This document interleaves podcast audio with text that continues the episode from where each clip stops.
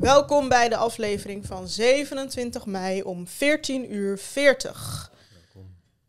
Het is een prachtige dag. Ja, en toch zitten we hier in plaats van dat we naar Spaarnwoude trekken om te barbecuen. Of tenminste, dat is wat ik associeer met zomer, maar volgens mij jij niet. Jij bent vooral aan het varen, denk ik. Ja. Ja, ik zit wel nu echt lekker op het balkon in, in, het- zonnetje. Ik word echt snel bruin ook, merk ik. Ja, Maar ehm, ja, het dan kan ik geen make-up meer bij je doen, want dan eh, word je eh, gewoon zwart. ja, ik zit met Mushu echt de hele dag. Hij vindt ook echt chill dat de zon schijnt. Oh ja, je kan Mushu weer meenemen trouwens. Ja, hij zit elke dag in de zon. Oh nee, dan gaat de hij heel veel bewegen hier. Ja, ja, hier, omdat er schaduw is, zou je hier wel kalmeren. Hmm. Maar eh, voor de deur wordt hij echt wild. Hij, hij rent die hele portiek zo al. Heet het een portiek? Hoe heet het? Voor je deur? Bij een flatgebouw zo? Het een portiek? Nee, toch? Zeg maar Trappenhuis. buiten. Het is eigenlijk, het is, ja, ook geen trappen. Het is gewoon buiten. Het is gewoon zo'n lange balkon, zeg maar. Ik weet niet hoe dat Oh, ja. Maar eh, gaat hij daar zo rennen? Dat is echt misschien, eh, wat zal het zijn, 20, 30 meter of zo. Gaat hij helemaal daar naar het begin zo rennen. En dan eh, komen mensen hem steeds random tegen zo. En mensen schrikken. Maar Hij was toch laatst bijna opgegeten door een vogel of zo? ja, er er random een fucking extra op hem. Er zat zo'n Een extra. Ja, Die zijn toch gevaarlijk ook? Ja, maar ik weet niet of een extra hem zou eten dus. Maar die extra zat zo te kijken. Die ging echt op de reling van het balkon. En toen eh, ging Moesje zo op de grond. Moesje zo zijn bek open, zo helemaal eh, hissen om hem te verjagen. En die extra kwam gewoon steeds dichterbij om te kijken van wat is dat nou? En toen keek ik even niet en toen zat die extra gewoon op hem.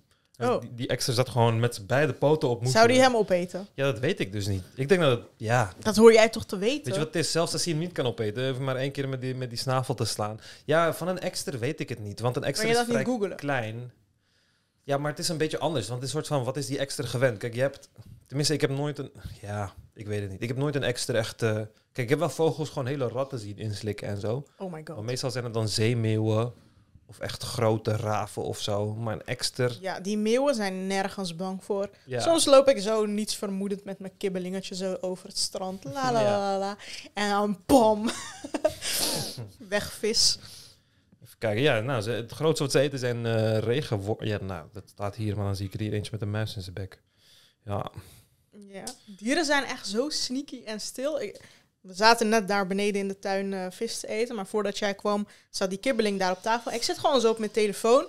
Die blonde kat die, die altijd in mijn tuin zit, die was blijkbaar gewoon die kibbeling aan het eten en zo. Maar ik heb gewoon niks door. Ik, ik, ik weet niet eens, ik hoor niet eens wanneer die naar beneden is gekomen. Ja, ja, ja. niks. ja Echt precies. zo grappig. Ze hebben echt zo die eh, instinct van, eh, ze doen alles voor eten en overleven, zeg maar. Ja, Mushu is ook zo hoor. Mushu, heel, is gewoon een ninja. Mushu, dan zet je hem ergens en dan is hij daar en dan ziet hij eruit alsof hij echt gewoon 10 minuten daar gaat blijven. En dan draai je even om en dan is hij weg. Ja. En dan denk ik van, hoe heb je je zo snel en stil bewogen? En dan heeft hij Ja. gesprongen van dingen en geklommen. En dan denk ik van, hè, hoe de fuck heb je dat gedaan? Maar ja, lukt hem gewoon elke Je keer. hebt nog steeds geen vrouwtje voor Mushu, hè? Nee. Ik heb allemaal eh, bloemen geplant. En allemaal bloemen die hij ook kan eten. Dus nu, nu eet hij alle bloemen op en zo. Alle planten die ik Je in de balkon. heb gezet. Ja. En je moet echt zien, zeg maar, je hebt zeg maar voor de deur dan een balkon zo. Mm. En dan eh, loop je zo door die gangpad. En dan zie je allemaal mensen hun balkons. En alles is zo lelijk, grijs, beton en weet ik veel wat. En dan kom je bij ons en dan is het zo bijna een oerwoud. ik heb zo'n hoek gemaakt. Ik heb met pallet allemaal zo palletbanken gemaakt. En dan nog hele grote kussens. Je kan gewoon lang uit liggen. Maar overal waar je planten je kan zetten, heb je, balkon? heb je planten. Ja, het is eigenlijk, het is misschien eh, wat drie vierkante meter of zo. Het is echt fucking klein. Mm. Maar ik heb het eh, heel goed ingericht. Ik Oh, denk dat het vier vierkante meter is, zoiets. Ik denk, ja, zoiets twee bij twee of zo.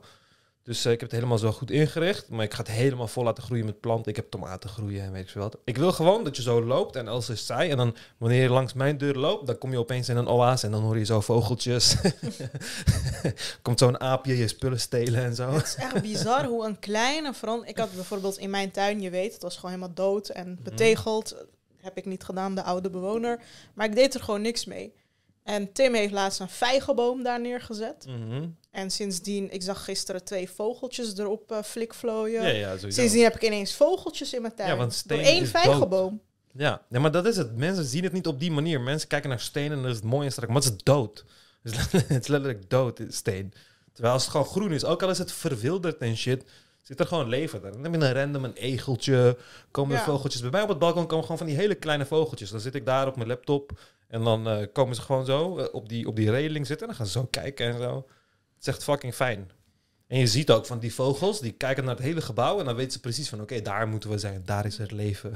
Ja, precies. Maar echt bizar hoe weinig mensen dat eh, doen dan. Want hier Ja. in de straat doet ook niemand het.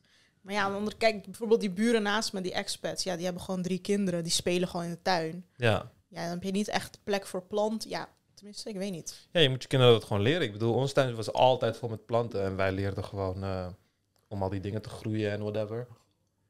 Ja, Stopte je gewoon random een aardappel in de grond en dan een paar maanden later had je 40 aardappelen in de grond die je eruit kon graven. Dat was echt fucking fijn. ja ik heb nu een vijgenboom staan, maar ik dacht wel van sinds wanneer groeit een vijgenboom in Nederland? Ja, vijgen kunnen gewoon prima groeien in Nederland. Ik, ik associeer vijgen en dadels met woestijn. Ja, maar hier groeien ze ook. Ik zie ze zo vaak. Ja, als je... Als je, als je ja, het, is- het, het is anders, zeg maar. Zeg, als je zeg maar... Als, een vijg, als je een vijgenboom echt kan herkennen, zeg maar de bladeren en weet ik veel wat, dat je echt zo opvalt, dat je kijkt en denkt van, oh ja, dat is een vijgenboom, dan zie je hem echt overal. Maar als je dat niet weet, dan, ja, dan heb je zo vaak waarschijnlijk langs een vijgenboom gelopen, maar dan herken je dat niet. Dan denk je gewoon van... Maar ik zie ze altijd in Amsterdam Centrum, heb je ze heel vaak voor de deur bij mensen. Ik heb er ooit zelfs eentje gezien die eh, in de West, vlakbij Bos en Lommerplein, Mhm. heb je bij, ehm, hoe heet het daar? Heb je zo'n gracht en daar groeit er gewoon uit de kademuur groeit er een vijgenboom. Oh. Dus eh, je, hebt, je hebt er best wel veel. Wat is nou iets wat typisch elke Turkse tuin heeft? Ik ben benieuwd of het Turkse gaat raden. tuin. Elke Turk heeft dat in zijn tuin. Ja, vijgenboom, Nee, meestal. ik heb nog nooit een vijgenboom bij een Turk gezien. Echt? Ja. In Turkije heeft iedereen een vijgenboom. Die wijnbladeren toch? Oh, ja, ja. die, gewoon, eh, ja, ja. gewoon eh, druiven en zo, ja. Om sarma te maken. Ja, ja, ja. Ja, dat vond ik dus raar. Ik ging laatst naar video's kijken van zo'n guy die dan eh, in zijn moestuin ging de oogsten fixen. En toen ging hij al die druiven knippen en zo. En toen dacht ik van, ja, maar je laat al die bladeren. Je kan die bladeren ook eten. Ja, precies. Maar dat weten ze niet. Ja, dat weten ze niet. Dat vond mijn met- moeder altijd kapot irritant vroeger. Gingen we langslopen, had je Nederlanders en Marokkanen die niks met die bladeren deden. Ja. Toen zei ze altijd van, daar kan ik sarma van maken, maar Ja. ik durf het niet te vragen. Maar gewoon elke Ja. keer zei ze dat. En dan Ja. zei ik altijd, vraag het gewoon. Maar ja, ze mijn moeder het vroeg het altijd. Die ging dan met een groepje Turken bij iemand gaan plukken en zo. Ja, zij schaamde zich. Ja, Zo. maar ik heb dat soort dingen wel vaak. Bijvoorbeeld, je hebt ook... ehm, fuck, hoe heet dat ook alweer? Fuck. Dat is een... kuzeljuk is een... Volgens mij is het een cornoelje. Mm. Cornoelje. Is het een cornoelje? Nee. Nee. Ik weet ook niet wat kazultjuk is. Kuzeltjuk is een klein rood besje die, eh, i- in de, Oh, die in de bomen groeit. Cornelian cherry. doe je niet? Çayı? Nee, nee, nee. Dat is, dat Oh. is, dat is rozenbottel. Maar Cornus mas, Nederlands, Nederlands. Ja, het is cornoelje, toch? The fuck? Ja, gele cornoelje. Nou, dat is dus een... Zie ik het wel goed. Niet aan jezelf twijfelen. Maar kuzeltjuk is dus een heel rood besje dat dan aan de bomen groeit. Het heeft zo'n zure, wrange smaak. Maar je kan er hele lekkere limonade van maken. Is het bom Oh, ik hou van eh, die eh, zure besjes. Ja. Ja. En eh, die gingen we altijd plukken in Turkije en zo. En dan soms vond ik ze dan in, in Nederland, random ergens groeien in een parkje en zo. En dan Mm. ja, plukte niemand dat. En dan ging ik gewoon een boodschappentas vol eh, van die dingen plukken.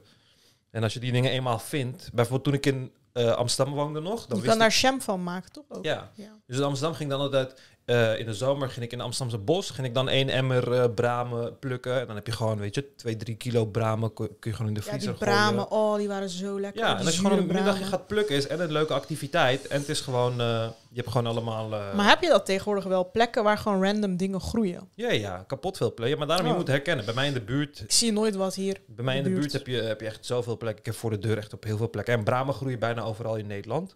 Maar bijvoorbeeld als je een walnootboom vindt, kun je ook echt... Je kan gewoon kilo's walnoten oprapen. Gewoon in een mum van tijd. En dan heb je gewoon walnoten voor days. Gewoon. En hazelnoot kun je Mm. ook eh, eh, heel vaak eh, plukken. Wat heb je nog meer? Je hebt veel van dat soort dingen. Vroeger had je dus een web- website, de Wildplukwijzer. Daar kun je in de buurt kun kon je dan zien wat er allemaal groeit. Dan, dat oh, was echt? Dat ga ik opschrijven. Wildplukwijzer. Ja, maar dat was vroeger dus zo echt community-driven. Dan kon je zelf op die kaart zetten van... oh, hier groeit een weet ik veel wat. Bijvoorbeeld daslook of zo. Dat is zo'n Ja. soort van wilde knoflook variant. En, ehm, maar volgens mij wordt dat niet meer onderhouden. Maar dat is best wel vet. Maar het is eigenlijk ook... Eigenlijk is plukken uit de natuur... valt onder stroperij. is eigenlijk verboden. Waarom? Dus als een boswachter je pakt met dat je bramen aan het plukken bent, dan is het eigenlijk st- stroperij. En onder stroperij versta je normaal dat je fucking wilde konijnen aan het schieten bent of zo. Mhm. Maar eh, dat valt ook onder de stroperij. En dat is eigenlijk... Kijk, eigenlijk is het niet erg als, als je dat, dat doet. En wat je ook moet proberen te doen, wat ik altijd doe, is dan verspreiden. Dus als ik veel bramen ga plukken, dan pluk ik het niet op één locatie. Maar dan ga ik, loop ik gewoon langs een kant. En dan als er twintig bramen zitten, dan pluk ik er tien of zo, weet je. Dus, eh, maar de reden waarom ze dat doen, is als iedereen dus gaat plukken. Als ze dat heel erg gaan motiveren en heel veel mensen gaan plukken, dan eh, blijft er niks meer over voor eh, vogeltjes en dat soort dingen. Dus dat is eigenlijk het idee. Ik vraag me altijd af waarom de overheid niet, ehm, of mensen überhaupt, gewoon overal dingen planten. Ja, de, de- ik vind het echt een mooie. Dat, dat zeggen heel veel mensen. Omdat in de realiteit, in de realiteit, want mensen hebben altijd zo'n heel mooi idee van, oh, dan ga ik op straat lopen en dan pluk ik zo'n ja, appel pluk je van de boom. Ja, maar wat er in de realiteit dus gebeurt, is dat eh, die bomen er zijn. Die zijn over, de heel- over het hele land kun je ze vinden. En wat er doorgaans mee gebeurt, is dat al die vruchten gewoon op de grond vallen. Ze dan rotten en het gewoon een hele rottige bende wordt. Omdat Oh, in, in de komen de realiteit muizen en zo. ja, omdat in de realiteit eigenlijk niemand ze plukt. Want Oh. ik heb, eh, in Almere heb je zo'n plek waar er fucking veel maar perenbomen je zou zijn. juist denken dat iedereen ze plukt. Nee, maar juist niet.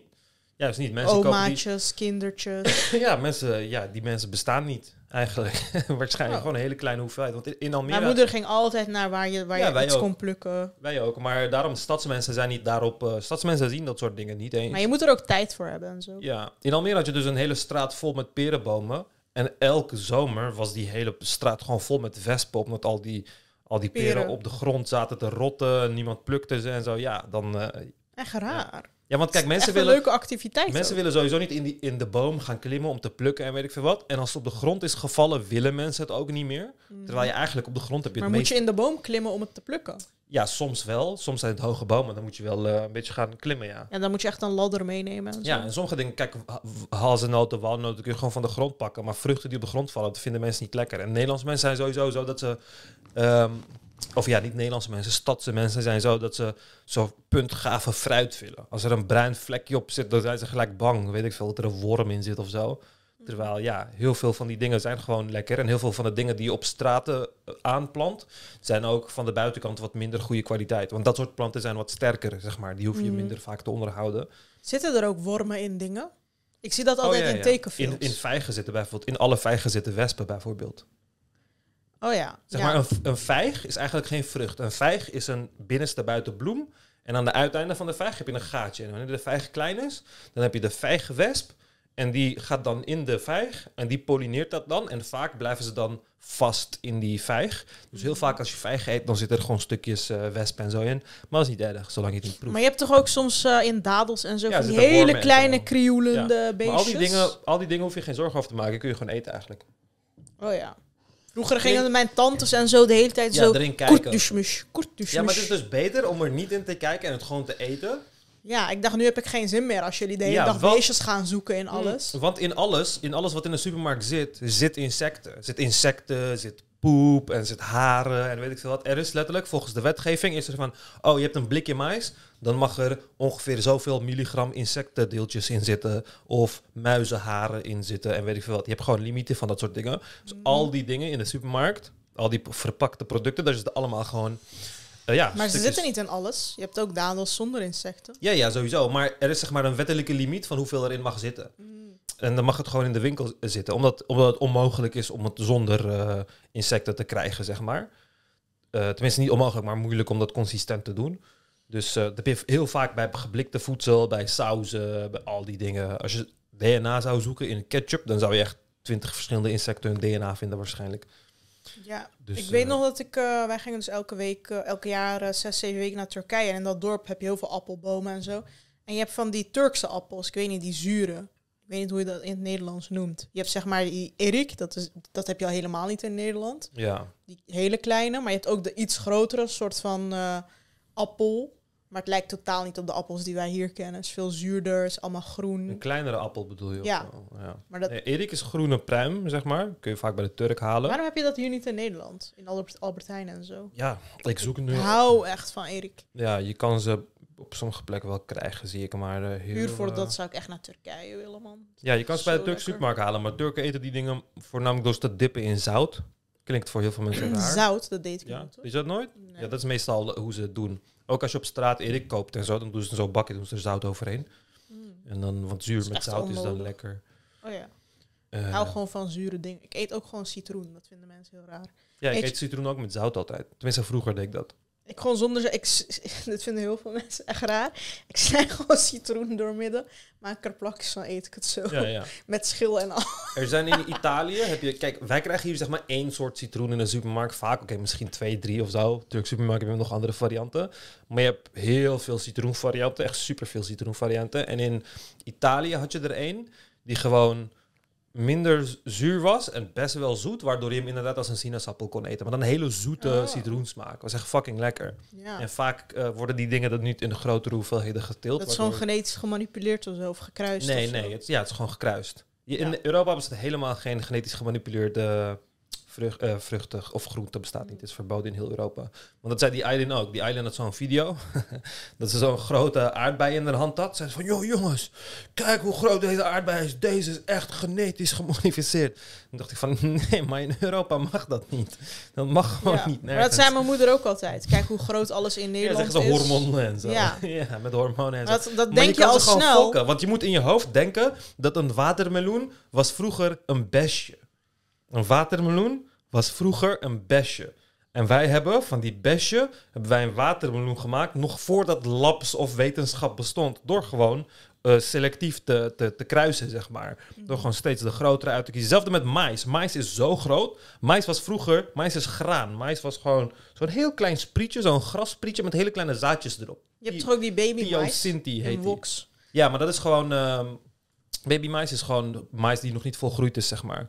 Maar vroeger had je zeg maar Theosinte en dat is dan gewoon een soort van gras. En dat hebben we steeds groter gemaakt en groter gemaakt. En uiteindelijk is dat gewoon eh mais geworden. Maar dat doe je, zeg maar, genetisch modificeren. Met genetisch modificeren hebben we tot nu toe echt niks groter of zo gemaakt. Je doet gewoon dingen zoals resistent maken tegen ziektes, resistent maken tegen zout, Ja. resistent maken tegen whatever. Dat soort dingen doe je. Maar groot, dingen groot maken is echt fucking easy. Want dat doen we altijd. Zelfs met tomaten. Tomaten waren altijd besjes. Mm. Nu noemen we tomaten die zeg maar op het, zelfs de huidige cherry tomaten zijn groter dan dat tomaten in de natuur waren, zeg maar. Maar gewoon Mhm. hele kleine rode besjes.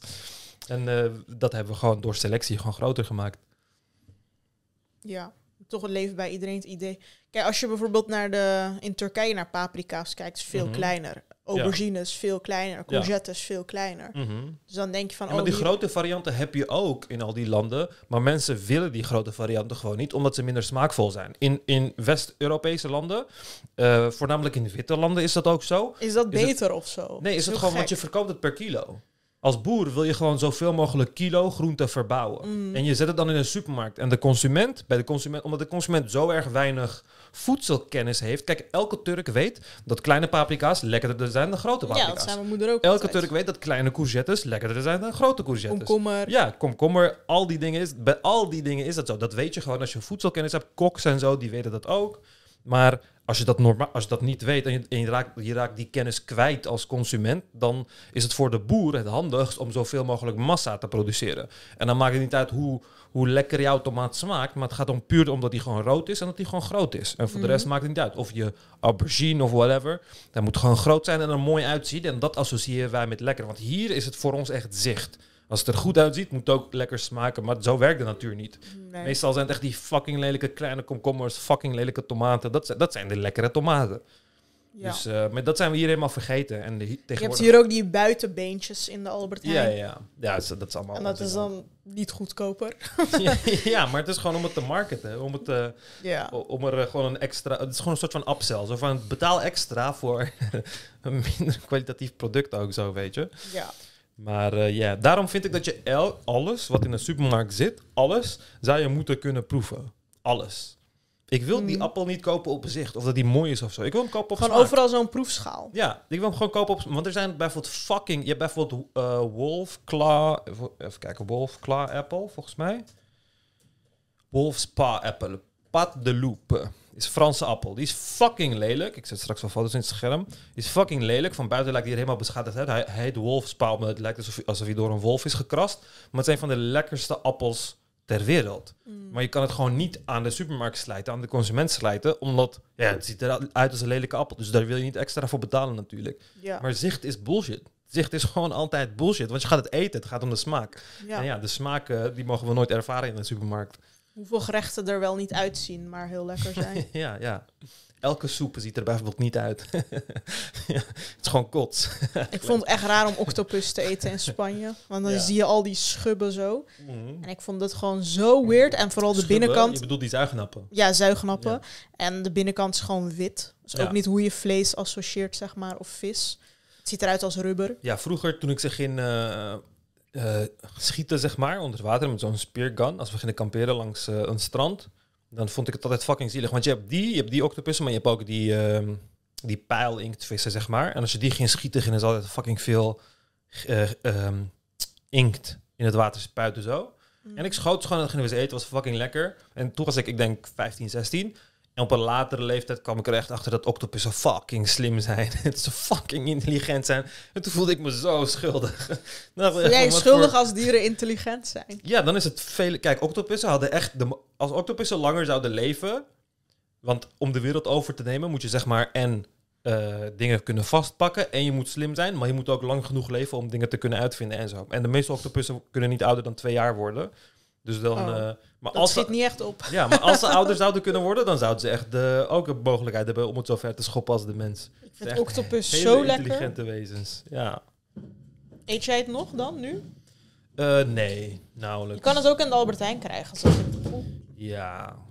Eh, Maar dat is Nee. niet echt... eh, ja, het is hier veel duurder en niet echt... Ja. Calamaris en zo heb je ook. Maar ik moest denken, vroeger op de basisschool had je schooltuinen, toch? Ja, ja dat had ik. was echt fucking leuk. Ja, dat vond ik ook echt leuk. Vond ik echt het leukste wat ik op school heb gedaan. Ja. Dan had je ook mega courgetten ineens. Mhm. Ik had echt de aller... Je, je had dan prijs voor de allergrootste. Ik had toen de allergrootste en zo. ja. Maar ik weet ook niet wat ik dan precies heb gedaan. ja, we hadden ook win we hadden de winterpeen-wedstrijd. Wie de grootste wortel had. Oh ja, we hadden courgette. Dat was echt leuk, schooltuin. Dat was echt een van de... Maar daarom, kijk, in mijn idee van een... Eigenlijk moet je het dus zo doen. Kijk, sowieso moet je... Want nu heb je een heel stuk groot land. En dan is daar de schooltuin. En dan komen alle scholen daar naartoe. Maar je moet eigenlijk bij elke school, naast de school, een schooltuin hebben. Die genoeg Mm. is voor een aantal eh, eh, klassen, zeg maar.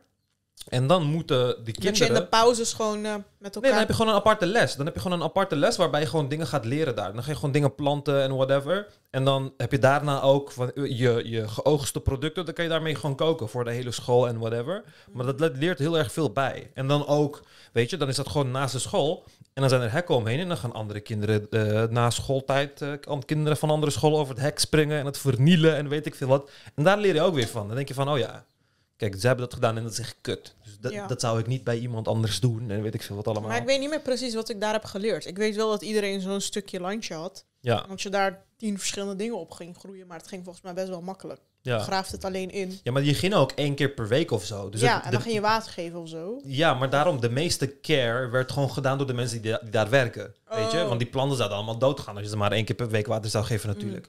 Dus eh, er zit niet echt verantwoordelijkheid bij. En daarom moet je het dichtst bij school halen, houden, zodat je het gewoon per dag kan doen en op, op dagbasis die groei kan meemaken. En ook de effecten gaat zien van, oh je hebt het niet water gegeven, nou je wordt per direct gestraft gewoon. Als je, een, als je een plant geen water geeft, weet je, dan gaat hij gelijk dood en dat soort dingen. Ja. En daar leer je gewoon heel erg veel van. Dus, eh, want ik merk dat ook hoor. Bij, bij- op schooltuin, kijk, ik, ik wist vrij weinig over tuinieren en weet ik veel wat. Maar die man van schooltuin, die was echt helemaal onder de indruk van hem. Maar hoe weet je al die dingen, weet je? Want ik ging altijd plantenboeken van mijn vader. We hadden altijd zo'n bibliotheek met fucking veel plantenboeken. Ging ik al die dingen doornemen. Dus ik wist van dingen ook de Latijnse naam. En wat paddenstoelen sporen Zo, zijn. kan je wel indruk maken, en, ja. en, en weet ik veel wat allemaal. Ja, maar dat vond hij dan heel interessant. Heel, heel eh, Fascinerend. fascinerend. Terwijl ik dacht van, eigenlijk was het niet zo geavanceerd. Tuurlijk, Latijnnamen en weet ik veel wat, prima. Ja. Maar het feit dat ik weet wat paddenstoelensporen zijn in groep 7, ja, ik vind dat niet echt... Ja, dat is niet speciaal of zo. Weet je, het hoort vanzelfsprekend te zijn. Maar dan, daardoor merkte ik dat, dat alle andere kinderen, en vooral op een islamitische school, islamitische basisschool, dat heel veel van die mensen totaal niks wisten. Gewoon helemaal niks wisten. Ik weet nog dat we in Mhm. de klas eh, bonen gingen planten. Eh, gewoon zo'n bonen in een beker, in zo'n plastic beker. En gewoon volgens mij alleen ik en een andere meisje boon had het overleefd. De rest is allemaal dood. En dan is het gewoon dingen als te veel water geven of te weinig water geven en weet ik veel wat. En dan denk ik van, hè? Maar hoe kan dat? Want er is niks simpelers. er is niks simpelers dan gewoon zo'n een boon groeien bijvoorbeeld, weet je. Mm. Maar dan al die kinderen hebben dan die basis niet van huis meegekregen, zoals even de plantjes water geven in de tuin of een plantje hebben in de woonkamer en dat soort dingen. Hoeveel water moet je het geven, hoeveel water moet je het niet geven, dat je die dingen leert. Het zijn hele simpele dingen. En dan, als je dat nooit in je, baas, in, je, in je ding hebt geleerd, dan krijg je volwassen mensen die dan geen plant levend te kunnen houden of zo. Al hun Mhm. planten gaan dood elke keer als ze een kamerplant nemen. En dan nemen ze maar voortaan neppen of zo. En dan denk ik echt van, hè? Maar het was, zo'n simpel iets wat gewoon bijgeleerd kon worden op de basisschool of zo. Ja. Maar er wordt gewoon helemaal geen tijd in. Maar het is toch niet omdat ze het niet weten? Het is gewoon, ze vergeten het in de zon te zetten. Ze vergeten het water Nee, maar dat soort dingen merk je dus gewoon. Want uiteindelijk is het gewoon een verantwoordelijkheid. Ik check mijn planten elke dag, weet je. En dat is gewoon, het kost me helemaal geen tijd. Soms moet ik ze zelfs, omdat ze voor de deur zijn en in een bakken, dan moet je ze zelfs twee keer per dag water geven bijvoorbeeld. En dat is gewoon prima, want ik zit daar en dat, dat leer je dan gewoon aan. Maar kijk, het is hetzelfde als wat ik bijvoorbeeld ook vind dat je in elke klas moet hebben, is een aquarium. Want een aquarium goed bijhouden, dat vergt ook kennis van hoe, hoe hou je een ecosysteem stabiel en dat soort dingen. En bij een aquarium is het hetzelfde geval. Jij ziet gewoon dat het water vies is en dat het verschoond moet worden, bijvoorbeeld. Mhm. Of dat het filter niet goed werkt of whatever. En zodra je dat niet doet, dan word je gelijk afgestraft. De vissen gaan dood of je plant gaat dood. Dus dat is een hele goede reactiemechanisme die heel goed eh, reageert op of jij, het, of jij het correct uitvoert of niet. Of jij het juist hebt gedaan of niet. En dat zijn hele leerzame momenten geweest altijd. Mhm. Dus dat zou je, dat zou je gewoon moeten toepassen in zo'n, in zo'n schoolsetting. Het lijkt me alleen maar leerzaam. Want in Amerikaanse dingen heb je dat toch ook. Dan heb je een klas. Tenminste, dat had je altijd vroeger in die series en tekenfilms. Dan hebben ze gewoon een huisdier in de klas. Weet je, dan Ja, heeft- eh, ja, dat zeg je altijd in die raar. series. Ja, maar dat, dat, dat voegen wel een soort van verantwoordelijkheidsgevoel toe, weet je. En dat je ook die dingen leert van, hey, hoe moet je ermee omgaan? Eh, en wat, is, wat zijn de verantwoordelijkheden die je, die je moet dragen en dat soort dingen. Dat zijn gewoon, eh, kun je wel op een vrij jonge leeftijd meegeven, denk ik. Dat heeft alleen maar, voordelen. Ja, ik had een keer een lezing op een school. Toen eh, zei die leerkracht van, ja, in die klas hebben we een rat als huisdier. Ja, ja maar fucking leuk, want is al- Waarom een rat? Nee, maar omdat- iets schattigs. omdat iedereen die in die klas zit en die gaat interacten met die rat af is van zijn rattenfobie. Nou, ik weet niet. Hoor. ratten zijn eigenlijk hele lieve dieren en ja, ze gaan je echt helemaal niks doen. Omdat ze in de films in het riool tegen je nek springen en je bijten en zo, zijn mensen er allemaal bang voor. Maar het is gewoon een rat. Eigenlijk vanuit een soort van naturalistisch perspectief, als je zou kijken naar zo'n groot, groot ontwikkeld mens van zo'n 60, 70 kilo. Weet je, de homo sapiens, zo slim. En Ah, zo schrikt van een kleine muis. Als je dat vanuit een natuursetting zou kijken, dan is dat echt de grootste pussy-factor die er bestaat in de mensheid gewoon.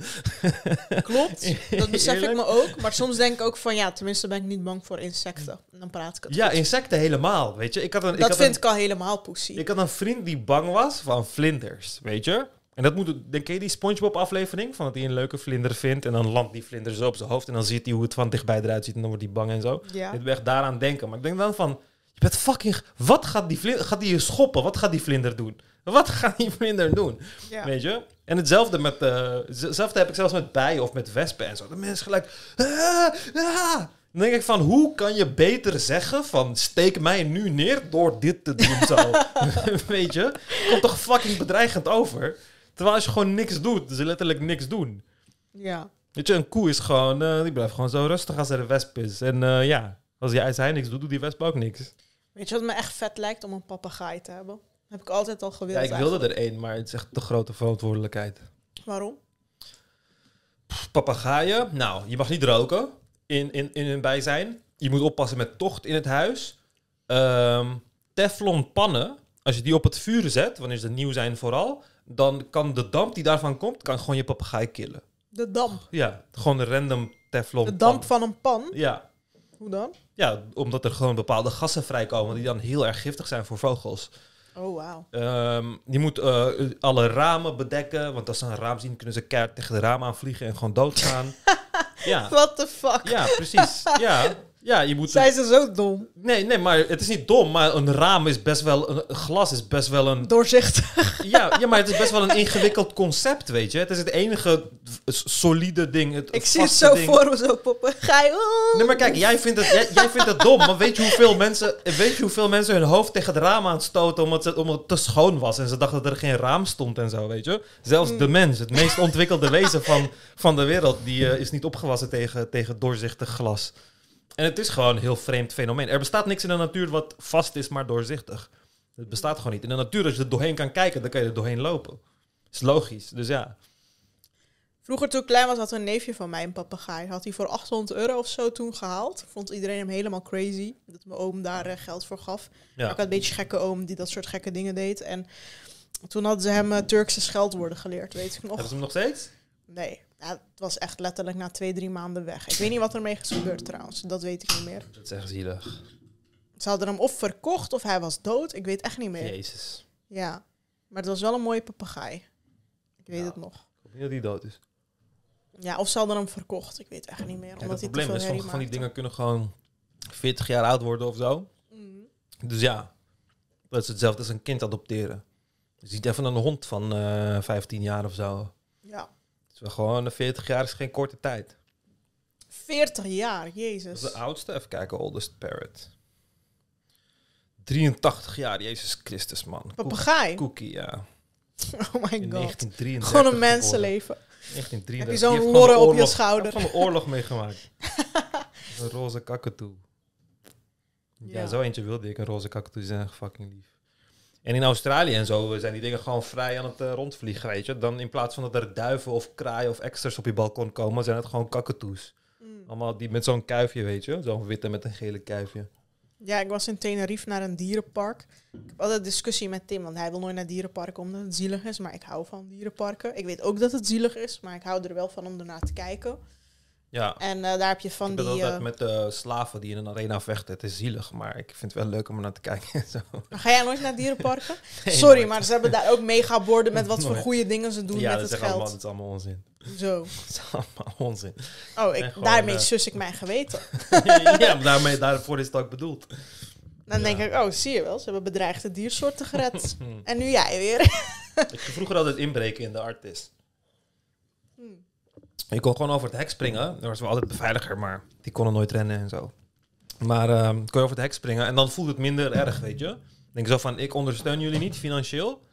Maar ik ga wel even En het naar is er toch, kijken. dus we gaan Ja. kijken. Ja, weet je, maar dan heb ik geen geld gegeven. En je kan ook met de boot. Dus vroeger, toen, toen wij zo boottours gaven en zo, want aan de, aan, bij Artis heb je zo'n stukje dat aan de gracht is, in Oost daar. En dan als we boottours gaven, dan zeiden we ook van, oké, het is 15 euro per uur per persoon.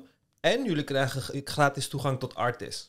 Weet je? En dan na die tour gingen we ze gewoon afzetten bij Artis, bij, bij het water. En dan ben je gewoon in Artis. Want die gracht loopt langs Artis, zeg maar. Oh, Dus dan en hoe ze gewoon afzetten. gaan ze eruit? Ja, dan gaan ze gewoon af en dan gaan ze gewoon in Artis en dan ja, zijn ze gewoon in Artis en wanneer je wilt kun je Moet gewoon je niet uit uitchecken of zo? Nee, Nee, ja? je kan gewoon wanneer je wilt kun je eruit. En zij dachten dan van, oh, hebben jullie een speciale deal met Artis en zo? Wij van, nee, nee. Maar kan je dat nog steeds? Ja, ik kan nog steeds. Je kan gewoon. Ik Doe dat nog steeds? Die dag met eh, die dag, ik weet niet of dat op camera is, maar die dag met Hassan en met Pokimane en weet ik veel wat allemaal, gingen we ook naar Artis, want je kan altijd die olifanten en die giraffen zien langs de gracht. Eh, toen wilden we ook over het hek gaan, maar eh, toen werden die medewerkers boos. Toen zagen ze, als ze het zien, gaan ze wel Oh, je moet wel schreeuwen. over een hek. Nee, het is eigenlijk niet over hek. Het is gewoon een kade. Maar ja, je moet gewoon over die kade heen, zeg maar. Dus ja. Maar als je gewoon doet alsof je toerist bent, is er niks aan de hand. Dus je zou wel binnenkort weer naar Artis eh, gaan en over de kamer. Ja, ja, ik ben heel vaak, eh, heel, heel lang heb ik dat niet gedaan. Maar, eh, maar ja, wat heb je te zien in Artis, man? Iemand had ooit een, ik vind dat gewoon leuk. had een kind nou ooit een pinguïn gestolen uit Artis? Zoiets, ja. Volgens mij had een autistische kind ooit een pinguïn gestolen in, uit Artis of zo. Stel je voor, je hebt een kind die een pinguïn steelt. Ja, groep verstandelijke gehandicapten uit Sliedorgt. Oh my god. Ja, ze Arie de Penguin zijn ze kwijt. Ja, 2010 was dat. Arie, ze hebben ook allemaal die namen. Echt top. Eerlijk, eerlijk, dat is wel grappig als je gewoon een pinguïn steelt. Ja, wat doe je er Zo dan was mee? ik als kind ook, man. Je had zeg maar in Amstelpark, je Amstelpark in Zuid? Nee. Daar ging, daar ging we altijd als kind naartoe. En ik woonde daarnaast. Dat was mijn eerste huisje in Zuid. Eh, daar heb je wa- wallabies. Dat zijn zeg maar kleinere kangaroes. Mm. En dan had je één zo'n wallaby en die had in zijn buidel zo'n baby wallaby. En ik, had, ik was toen nog, ja, oké, ik, kan, ik kan niet verschuilen achter mijn leeftijd. Ik was twintig of zo. maar ik dacht echt van, oh, ik wil die baby wallaby zo graag. Maar ja, ik heb hem... heb erover gefantaseerd om hem te stelen en zo, maar eh, ik heb het niet Ja. gedaan natuurlijk. Maar het is een soort van alsof je een sneeuwbal steelt. Als je hem naar huis neemt, heb je er niks meer aan. Zeg maar een pinguïn, ja. Ja, sowieso, sowieso is- dat eh, onrealistisch. Dat zou ik zo natuurlijk nooit doen. Je hebt toch de omgeving niet om ervoor te zorgen. Dus, of tenminste, bij een Ja, wannabe weet ik Ja, sowieso. Maar het is gewoon zijn van die intrusive thoughts, weet je. Dat je zo denkt van als ik nu over, het, over het hek klim. Ja, ik vond die dingen altijd grappig. Ik had vroeger een nieuwsbericht gezien van eh, dronken jongens die dan eh, uit zo'n kinderboerderij een lama hadden bevrijd zo. En dan gingen ze meenemen door de hele stad, zo dronken. En toen gingen ze met die lama ook de tram in of zo. oh my god. En dan dacht ik van, oké, kijk. Enerzijds is het wel zielig voor de lama, maar anderzijds is het ook gewoon een van de spannendste dagen van die lama's leven. Eerlijk, want normaal kan je dat nooit doen. Nee. Ik heb het altijd met ontsnapte dieren en zo. Dan denk ik altijd van, ja, go live your life. Ga maar door de straat rennen. Ja. Mee eens. Maar je had vroeger in Artes, weet ik nog... Ik ben maar ik ben alleen op de basisschool naar Artes geweest. Dus ik ben daar heel lang niet geweest. Maar ik weet wel dat je vlindertuin had of zo. Oh Dat vond ik echt vet. Ik ben sowieso ook in, naar de zoo van Antwerpen geweest. Daar heb je de grootste vlinder, vlindertuin van Europa, dacht ik. Sowieso de grootste zoo. Dat is echt zo ziek. En daar rondlopen, ik weet niet, ik vind dat gewoon leuk. En je had vroeger dus een ijsbeer in Artis. Dat Oh ja, weet ik nog. Fucking zielig, jezus Christus. Ja, hadden ze, hadden ze zo'n glazen, weet ik veel wat, met een ijsbeer erin. Maar ik weet niet of ze dat nu nog steeds hebben.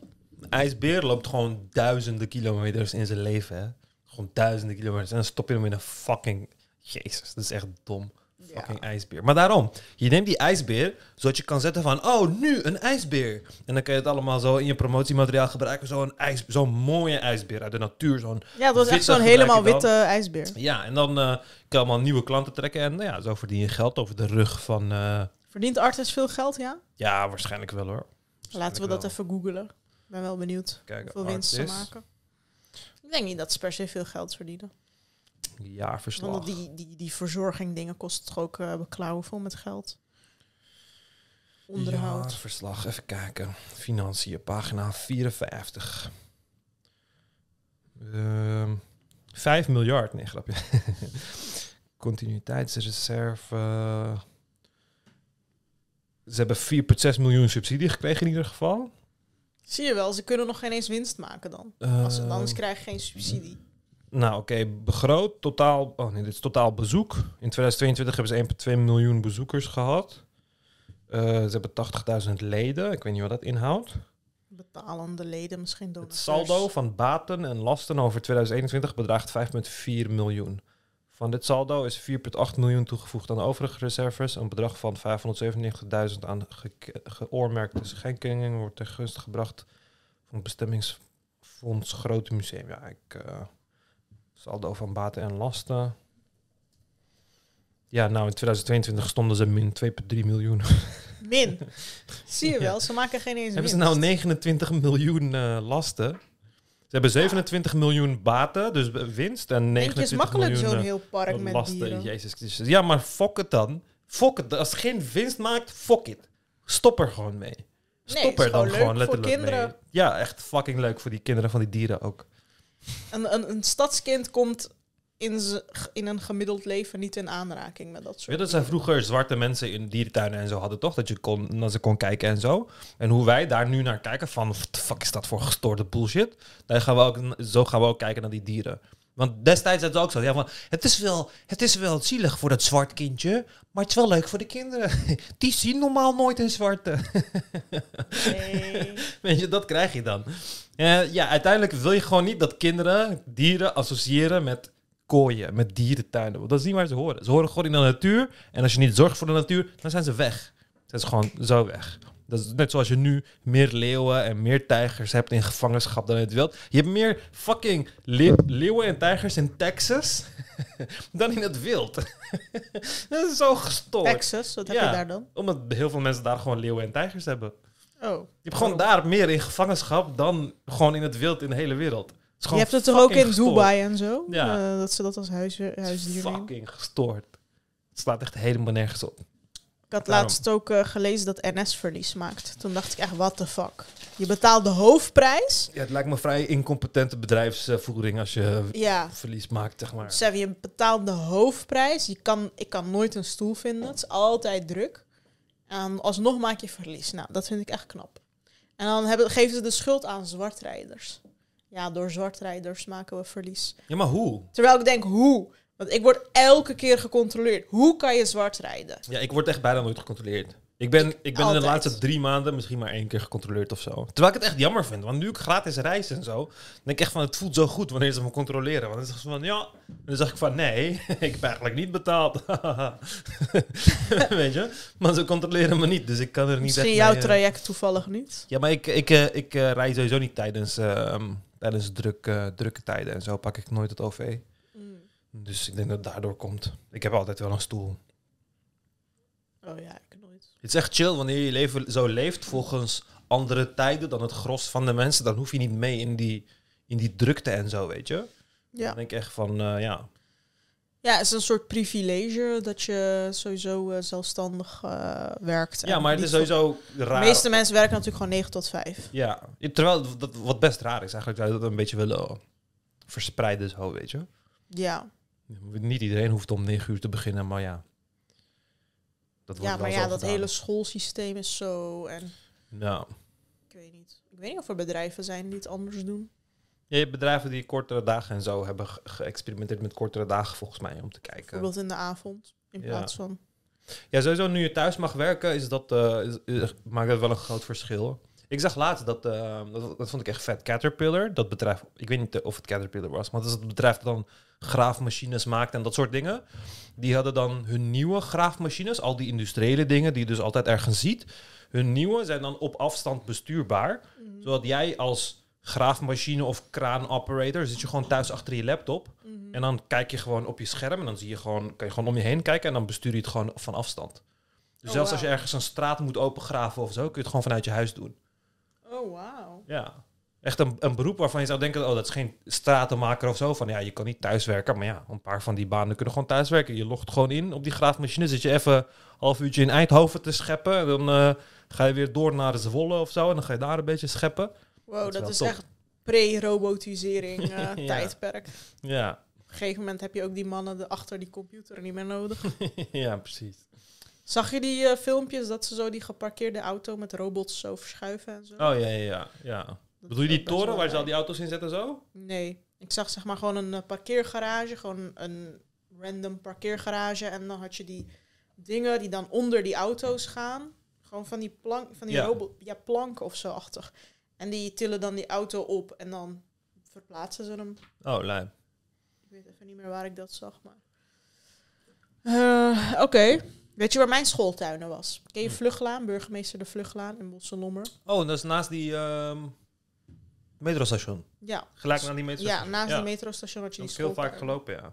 Ja, die Ja. was in Noord. Ze staan daar ook bekend om hun eh, honing inmiddels. Want eh, ze hadden daar dus een bijentuin. En iedereen ging daar honing halen omdat het gewoon pure honing is. Oh ja. Toen werd het zo populair dat iedereen daar kwam. En toen had je een regel dat iedereen maar één potje mocht kopen en zo. Dat Ja. soort dingen.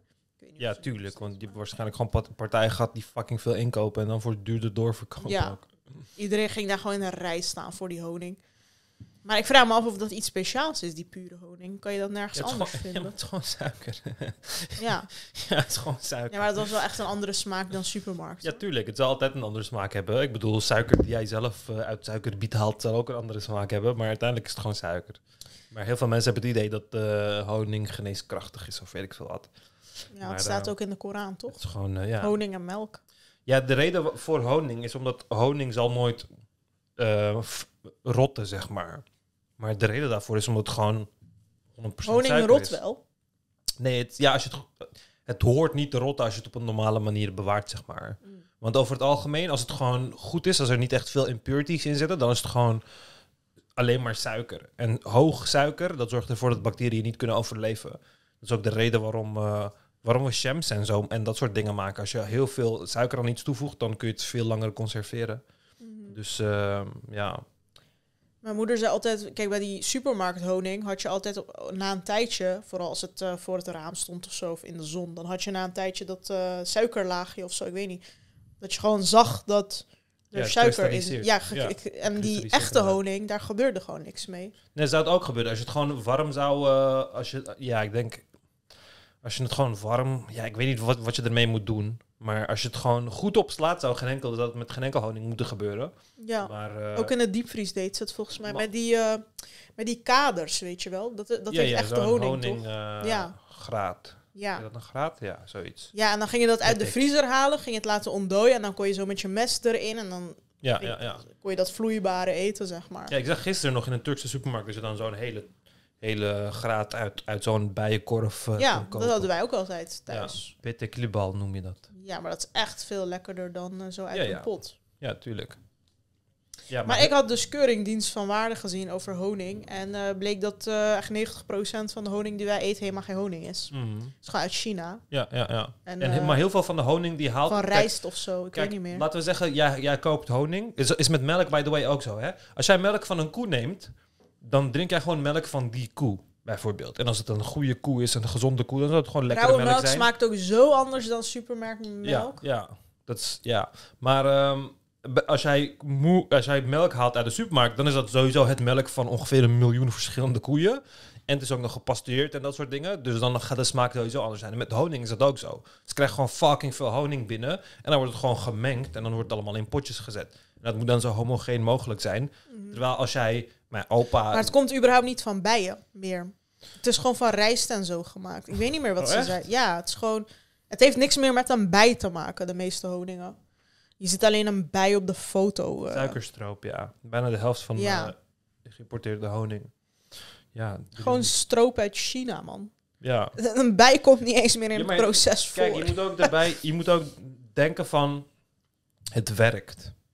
Zeg maar. Mensen kopen het en die denken gewoon van, oh, dit is gewoon wat Ja. minder lekkere smaak honing. Maar het is gewoon, ja, het is gewoon suikerstroop op basis van rijst.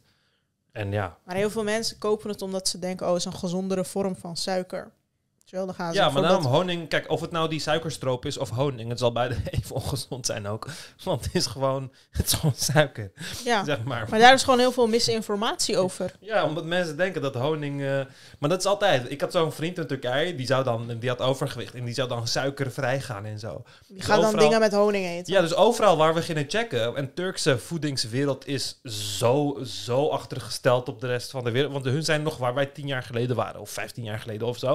Mm. Dus dan gaan we bij een plek en dan vraagt hij van... Ja, en hebben jullie ook eh, cake zonder suiker? En dan zegt ze van... Ja, we hebben met, eh, we hebben met honing... Met dadel. Of met dadels, ja. Van, ja, maar het is ook suiker. Ja. ook suiker. Kijk, als je had gezegd, we hebben met aspartaam of zo, dan had ik gezegd, oké, het smaakt Ja. zoet, maar het is geen suiker of zo. Maar honing is ook suiker. En op heel veel verpakkingen staat, dat wist ik ook niet, heb ik pas ook recent geleerd van, bijvoorbeeld dan staat er geen suiker toegevoegd, maar dan bedoelen ze gewoon witte suiker is dan niet Mhm. toegevoegd, maar fruitsuiker wel. Ja, ja, ja. Uh, ja het- gewoon de suikers of- die er vanzelf in zitten, die blijven er gewoon in. En als je gewoon zoete ingrediënten gebruikt, die van nature zoet zijn, Ja, ja, dan hoef je geen suiker toe te voegen, maar er zit wel fucking veel suiker in gewoon. ja. Je kan ook een eh, zoete cake maken van, eh, weet ik veel, heel veel sinaasappelsap of zo. Mhm, ja. eh, erin. Ja. Nee, nou, misschien, ik weet niet of je ja, gewoon iets zoets. Gewoon ja, eh, gewoon iets zoets. Dus ehm, dadels inderdaad honing, dadels, gedroogde ook, eh, fruit, rozijnen. Ja, En dan zit Ja, er ook gewoon suiker dat is in. hoe het werkt.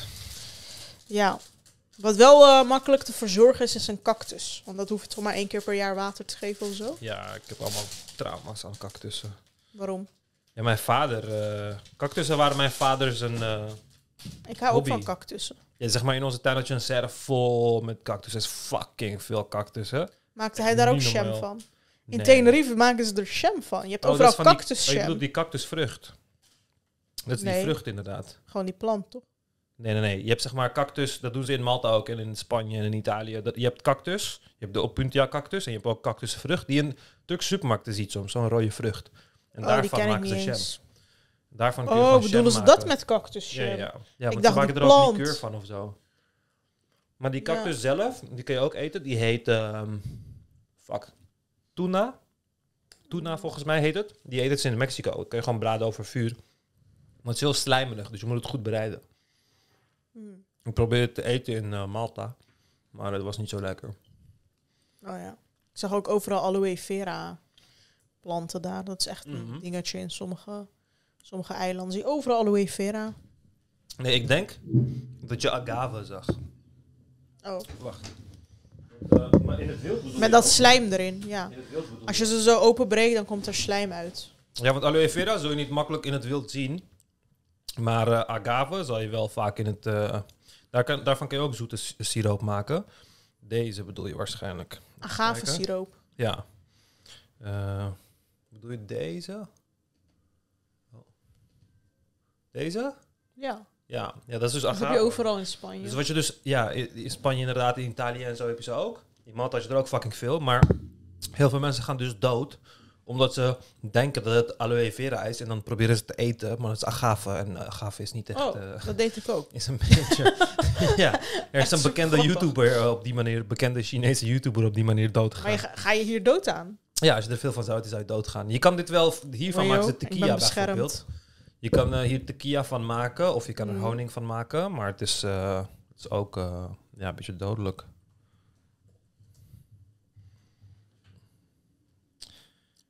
Maar die, die eh, slijm die erin zit, kan je, daar niet, kan je dat niet op je huid smeren en zo? Nee, maar heb je deze opengebroken en zat er toen slijm in? Ja. Oh ja, ik weet niet of er in agave... eh, misschien was het dan wel aloe vera. Het lijkt er wel heel erg op. Ik weet echt niet welke het was. Hmm, geen idee. Ik ging ze de hele tijd zo breken. Er kwam er slijm uit. Ja, blijkbaar is die... Ja, maar dan... Ja, ik weet het niet. Als, als het agave is, dan is die sap juist... eh, eh, eh, skin irritant, zeg maar. Maakt het je- huid juist rood en zo. Maar als de eh slijm uitkwam, was het waarschijnlijk wel aloe vera. Oh ja. maar dan was het zo'n hele grote? Mm. Ja. Want als het ongeveer. grote was, dan is het... Ja, is echt moeilijk. Want aloe vera is, echt, is wel eh, wat kleiner. En wat vleesiger, zeg maar. Die voelt echt dik aan.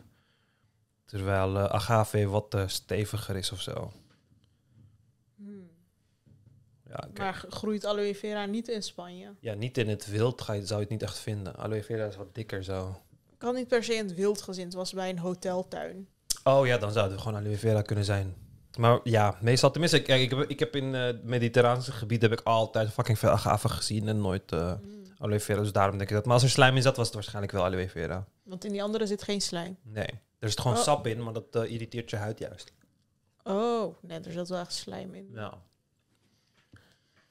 En eh, wat ze in die landen ook altijd doen, is kastanje verkopen op straat. Dat is Oh, hier ja. helemaal geen cultuur.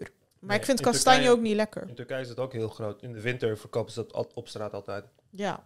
Kastanjes op houtskool. Maar wat is daar lekker aan dan? Ja, heel veel mensen vinden dat heel lekker. Hier... eh, Het is gewoon smaakloos. ja. Ik weet niet, ik heb dat nooit begrepen. Ja, het heeft wel een smaak, maar ik vind het gewoon, eh, ik vind het gewoon niet lekker. In Turkije zijn ze er echt helemaal gek op. Maar ja. Ik dacht, ja, ik weet niet, ik associeer het een beetje met aardappelsmaak of zo. Aardappelsmaak? Ja, weet ik veel. Ik had het geproefd. Ik dacht, wat is dit? Ik weet niet. En ik had dus ook een... eh, ik zat in een Mexicaans restaurant en toen had ik... Ik weet niet meer hoe ze het noemen. Tequila of zo. Ik weet niet meer. Mhm. Zo'n drankje met allemaal zout zo aan, de, aan het Ja, glas. Turkije. Dat maken ze dus van die agave. Ja. En ik wist niet dat er zout op zat. Dus daar moest ik zo nog echt aan wennen. Maar dat vond ik echt lekker. Want het was een soort van pittig drankje. Maar ook zuur, maar ook zout. Dus een soort van alle smaken door elkaar. Het is echt super lekker. Ja, dus normaal. Dan lik je je duim. En dan doe je zout op je duim. En dan lik je dat zout. En dan neem je die shot. En dan doe je een eh citroenpartje in je mond. Oh ja, nee, maar dit was geen shot. Dit was echt een drankje. Met Oh ja. dat Oh ja, dat dan vond ik wel echt lekker. Was een tequila cocktail of zo waarschijnlijk? Ja. En het was een soort van pittig, zuur, zout, alles door elkaar. Oh ja, dat was de cocktail waarschijnlijk, ja. Toen dacht ik, wow, dit prikkelt gewoon elk gebied van mijn tong. Ehm, even kijken, wat wil ik nog meer zeggen? Oh ja, we hadden het over balkons. Heb wel het idee dat in, bijvoorbeeld ik ben ook in Venetië geweest en zo, dat in die mediterraanse landen, dat iedereen veel meer bezig is met hoe een balkon eruit ziet aan de buitenkant. En ja ook met planten en zo. ja, heel veel bloemen, kleurrijke bloemen en zo. Mhm. Waardoor als je daar op straat loopt, ook al zijn die huizen shit, door die bloemen en zo, lijkt het gewoon veel vrolijker. Maar ook Mhm. door andere dingen. Ze hangen allemaal dingen op en zo aan die Ja, gebouwen. maar dat, dat, heb ik, dat probleem heb ik dus ook met... Kijk, hier in Nederland, daar gaat zo'n... daar gaat zo'n jup-koppeltje, zeg maar. Die gaan dan naar eh, de, de, het tuincentrum. En dan kopen ze van die eh, bloemen, planten en dan mooie potten en weet ik veel wat allemaal. En dan zijn die dingen ook al gebloeid. Dus dan kun je ze gelijk planten en dan heb je gelijk bloeiende planten en zo. Ja. Terwijl je eigenlijk je planten altijd ongebloeid wilt kopen, zodat ze juist bloeien in jouw tuin, zeg maar. ja, en je krijgt er een boekje bij met zoveel zonuren. Ja, maar uiteindelijk water. zorgen die mensen niet voor die planten. En dan gaan die planten gewoon dood. En dan het volgende jaar is het zo van... Oh, kom, we gaan de tuin weer opknappen. Kom, we gaan het balkon weer opknappen. En dan kopen ze weer opnieuw planten en zo. En dan denk ik van, het is zo dom. Het is zo'n waste of money en alles. En de industrie houdt daar ook van. Want je kan mensen gewoon door blijven verkopen. Terwijl in Turkije zou precies niemand een bloempot kopen. Het is zo van, een bloempot. Waarom de fuck moet ik een bloempot kopen? Nee, in Turkije gebruik je gewoon... eh, Zaadjes. Nee, maar het is, nee, ik bedoel een lege bloempot om een plant in te doen. In Turkije Mm. gebruiken gewoon je oude yoghurt-emmer Oh, ja, ja, ja, yoghurtemmers. Yoghurtemmer, olijfolie, olijfolie, blikjes, kaasemmers. Ja, gebruik je gewoon oude... Zaanse mayonaise-emmer. Ja, precies. De- gewoon zo'n grote emmer of een kleine... Zeg maar die Turkse yoghurtemmertjes die je in de A- Albertijn Ja, mijn vindt. familie had dat ook altijd in de tuin. Ja, Zaanse daar mayo. plant je het in. Al die kleine, dan heb je een kleine plastic verpakking van je vla of weet ik veel wat allemaal. Zet je gewoon een plantje in. En voor de, in de Nederlandse Instagram, in de westerse Instagram cultuur, ziet dat er natuurlijk niet uit. Maar het is juist fucking cute. Er groeit een fucking bloem in Turkse yoghurt. Oké, dat is fucking cute. Het is recycling, het, is, is re- reusing. en zo. Ja, precies. In plaats van dat je het fucking dan 5 euro voor een plastic pot gaat brengen, dan heeft iemand gewoon, terwijl we al zoveel plastic afval hebben, hebben mensen gewoon een nieuwe pot gemaakt. Terwijl je net acht potten hebt weggegooid in het vuilnis met je voedselverpakking en zo, weet je. Dus dat moet helemaal terugkomen. Dat mensen dat weer cool vinden, dat mensen dat mooi aankleden. En tuurlijk, vind je het niet leuk dat er Turks yoghurt op staat? Geef het een kleurtje of zo. Geef een fucking kleurtje. Je bent toch eh, creatief of zo. Ja, schilder het, verf het. Ja, precies. En dan, dan hergebruik je tenminste dingen. En dat zagen Turkse moeders altijd heel goed. Dachten van, hé, hey, ik krijg gewoon een gratis emmer met deze yoghurt. Ik kan hier allemaal dingen mee doen. Ik kan me, ik kan me kralen, mijn textiel kan ik erin verstoppen. Of ik kan eh, een plant erin planten. Ja, naaispullen erin, Ja, eh, precies. Terwijl wij juist denken van, oh ja, gooi maar weg. Weet je, als ik het niet meer zie, dan is het wel opgelost of zo. Met een minimaal heb je door de jaren heen gewoon eh, honderden van die dingen weggegooid. Dus eh, dat, dat moet gewoon veel meer, eh, dat moet gewoon veel meer gebeuren. En ja, daar haal je gewoon veel meer vreugde uit. En het ziet er gewoon authentieker en cuter uit dan zo'n domme, domme tuin die er alleen voor drie maanden goed uitziet. Omdat beide koppeltjes gewoon niet voor planten kunnen zorgen. En helemaal geen Ja. inspiratie of, of whatever hebben. Dus ja. Voor een plant te zorgen moet je gewoon... Wat is, het, wat is de key om voor planten te zorgen? Je moet er toch gewoon tijd aan besteden? Nee joh. Je hoeft er, is, er is echt niks makkelijker dan planten groeien. Want je stopt hem gewoon in de grond en je zorgt er gewoon voor dat de grond. Maar waarom gaat het dan bij iedereen dood? Omdat mensen niet weten hoe je voor een plant zorgt. Terwijl het wel zo is. Kijk, stop je vinger in de aarde. En als het vochtig voelt, dan hoef je het geen water te geven. En als het niet vochtig voelt, moet je het water geven. That's it. Ja. That's it. Maar je hebt ook zonuren nodig, toch? Ja, maar het maakt allemaal niet uit. Ja, essentie maakt niet uit. Kijk, sommige zon... Natuurlijk moet je een plant aflezen. Sommige bloemen, sommige planten wil niet in de volle zon. Die, die moet je dan op half schaduw zetten of weet ik veel wat. Maar dat leer je allemaal zelf. Dan heb je daar vijf planten gezet op dezelfde locatie. Ziet eentje er sip uit. Dan weet je van, oké, jij moet ergens anders naartoe. En na een tijdje heb je gewoon alles zo mooi gezet. En ja, dan... eh, ik heb een gigantische tomatenplant nu groeien. Dat is echt fucking groot geworden. Mm. En hij groeit in een fucking kleine, klein potje. Maar hij doet het gewoon fucking goed. Omdat je er gewoon goed voor zorgt. Twee keer per dag water geven. Af en toe eh, mest en zo. Wat Ja, groei je wel nog goed. meer? Behalve tomaten? Heel veel bloemen.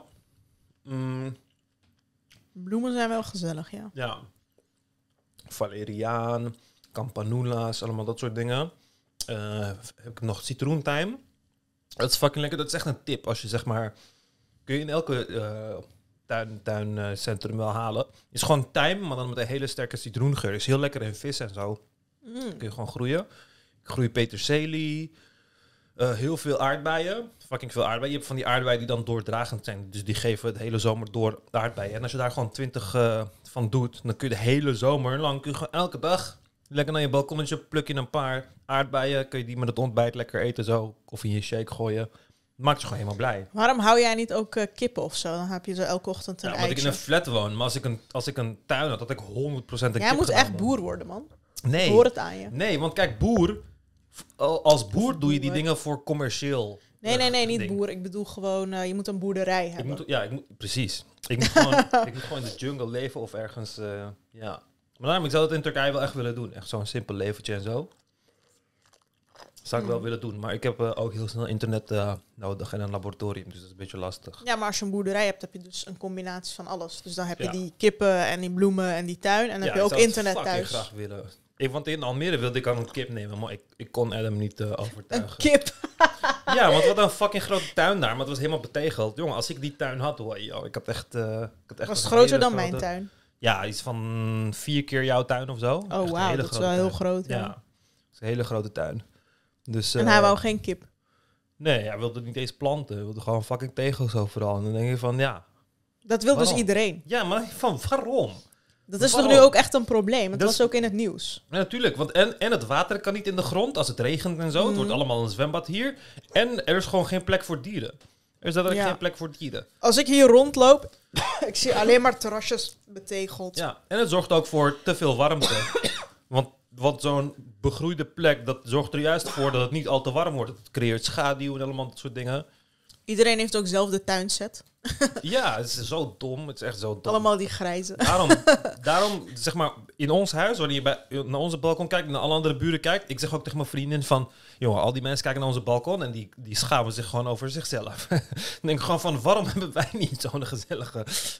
Ja. Ze hebben allemaal dezelfde designstoel, omdat die dit jaar in is of zo. Oh, een 250 euro tuinstoel. Nu ben je, nu ben je helemaal hip en zo. Maar uiteindelijk staat er, staan er alleen maar twee stoelen op je balkon en eh, wat bloemetjes die over twee weken doodgaan. ja. Ja, mensen kunnen er echt niet mee overweg, man. En het zegt jammer. Mensen zijn de connectie met de natuur verloren. ja. Terwijl, eh, dat, moet je, dat moet je gewoon doen. Toen Je ik... eerste associatie is niet eens laat ik planten in mijn tuin. Je denkt, Mhm. oh, ik heb een tuin. Laat ik hem vol betegelen en Mhm. een barbecue set Ja, plaatsen. maar waarom heb je dan een tuin? Ga dan op de stoep chillen. Is hetzelfde, want je hebt letterlijk een stoep gecreëerd. dat is wat je hebt gedaan uiteindelijk. Ja. Dus ik bedoel, je hebt overal gewoon... Dan kun je net zo goed op een parkeerplaats chillen. Is ook lekker goed betegeld. Weet je? Terwijl ik denk van, de tuin is gewoon bedoeld voor planten. Dat is de definitie van een tuin, neem ik aan. Maar nu is het gewoon... anders is het eh, echt ook geen tuin. ja, Het is gewoon een terrasje. Ja, precies. Dan denk ik van, eh, ja, maar heel veel mensen hebben dat in hun eh, jeugd gemist of zo. En mensen willen dat gewoon niet doen. Ze denken dan aan beestjes en weet ik veel wat allemaal, of spinnetjes. Terwijl ik heb Mm. Henky, voor de, we hebben dus een kruisspin boven onze deur zo. Hij heeft een hele grote net gebouwd. We hebben hem Henky genoemd. En eh, een kruisspin. ja, dat is zo'n grote spin. Mm. En hij vangt alle vliegen en zo voor ons, weet je.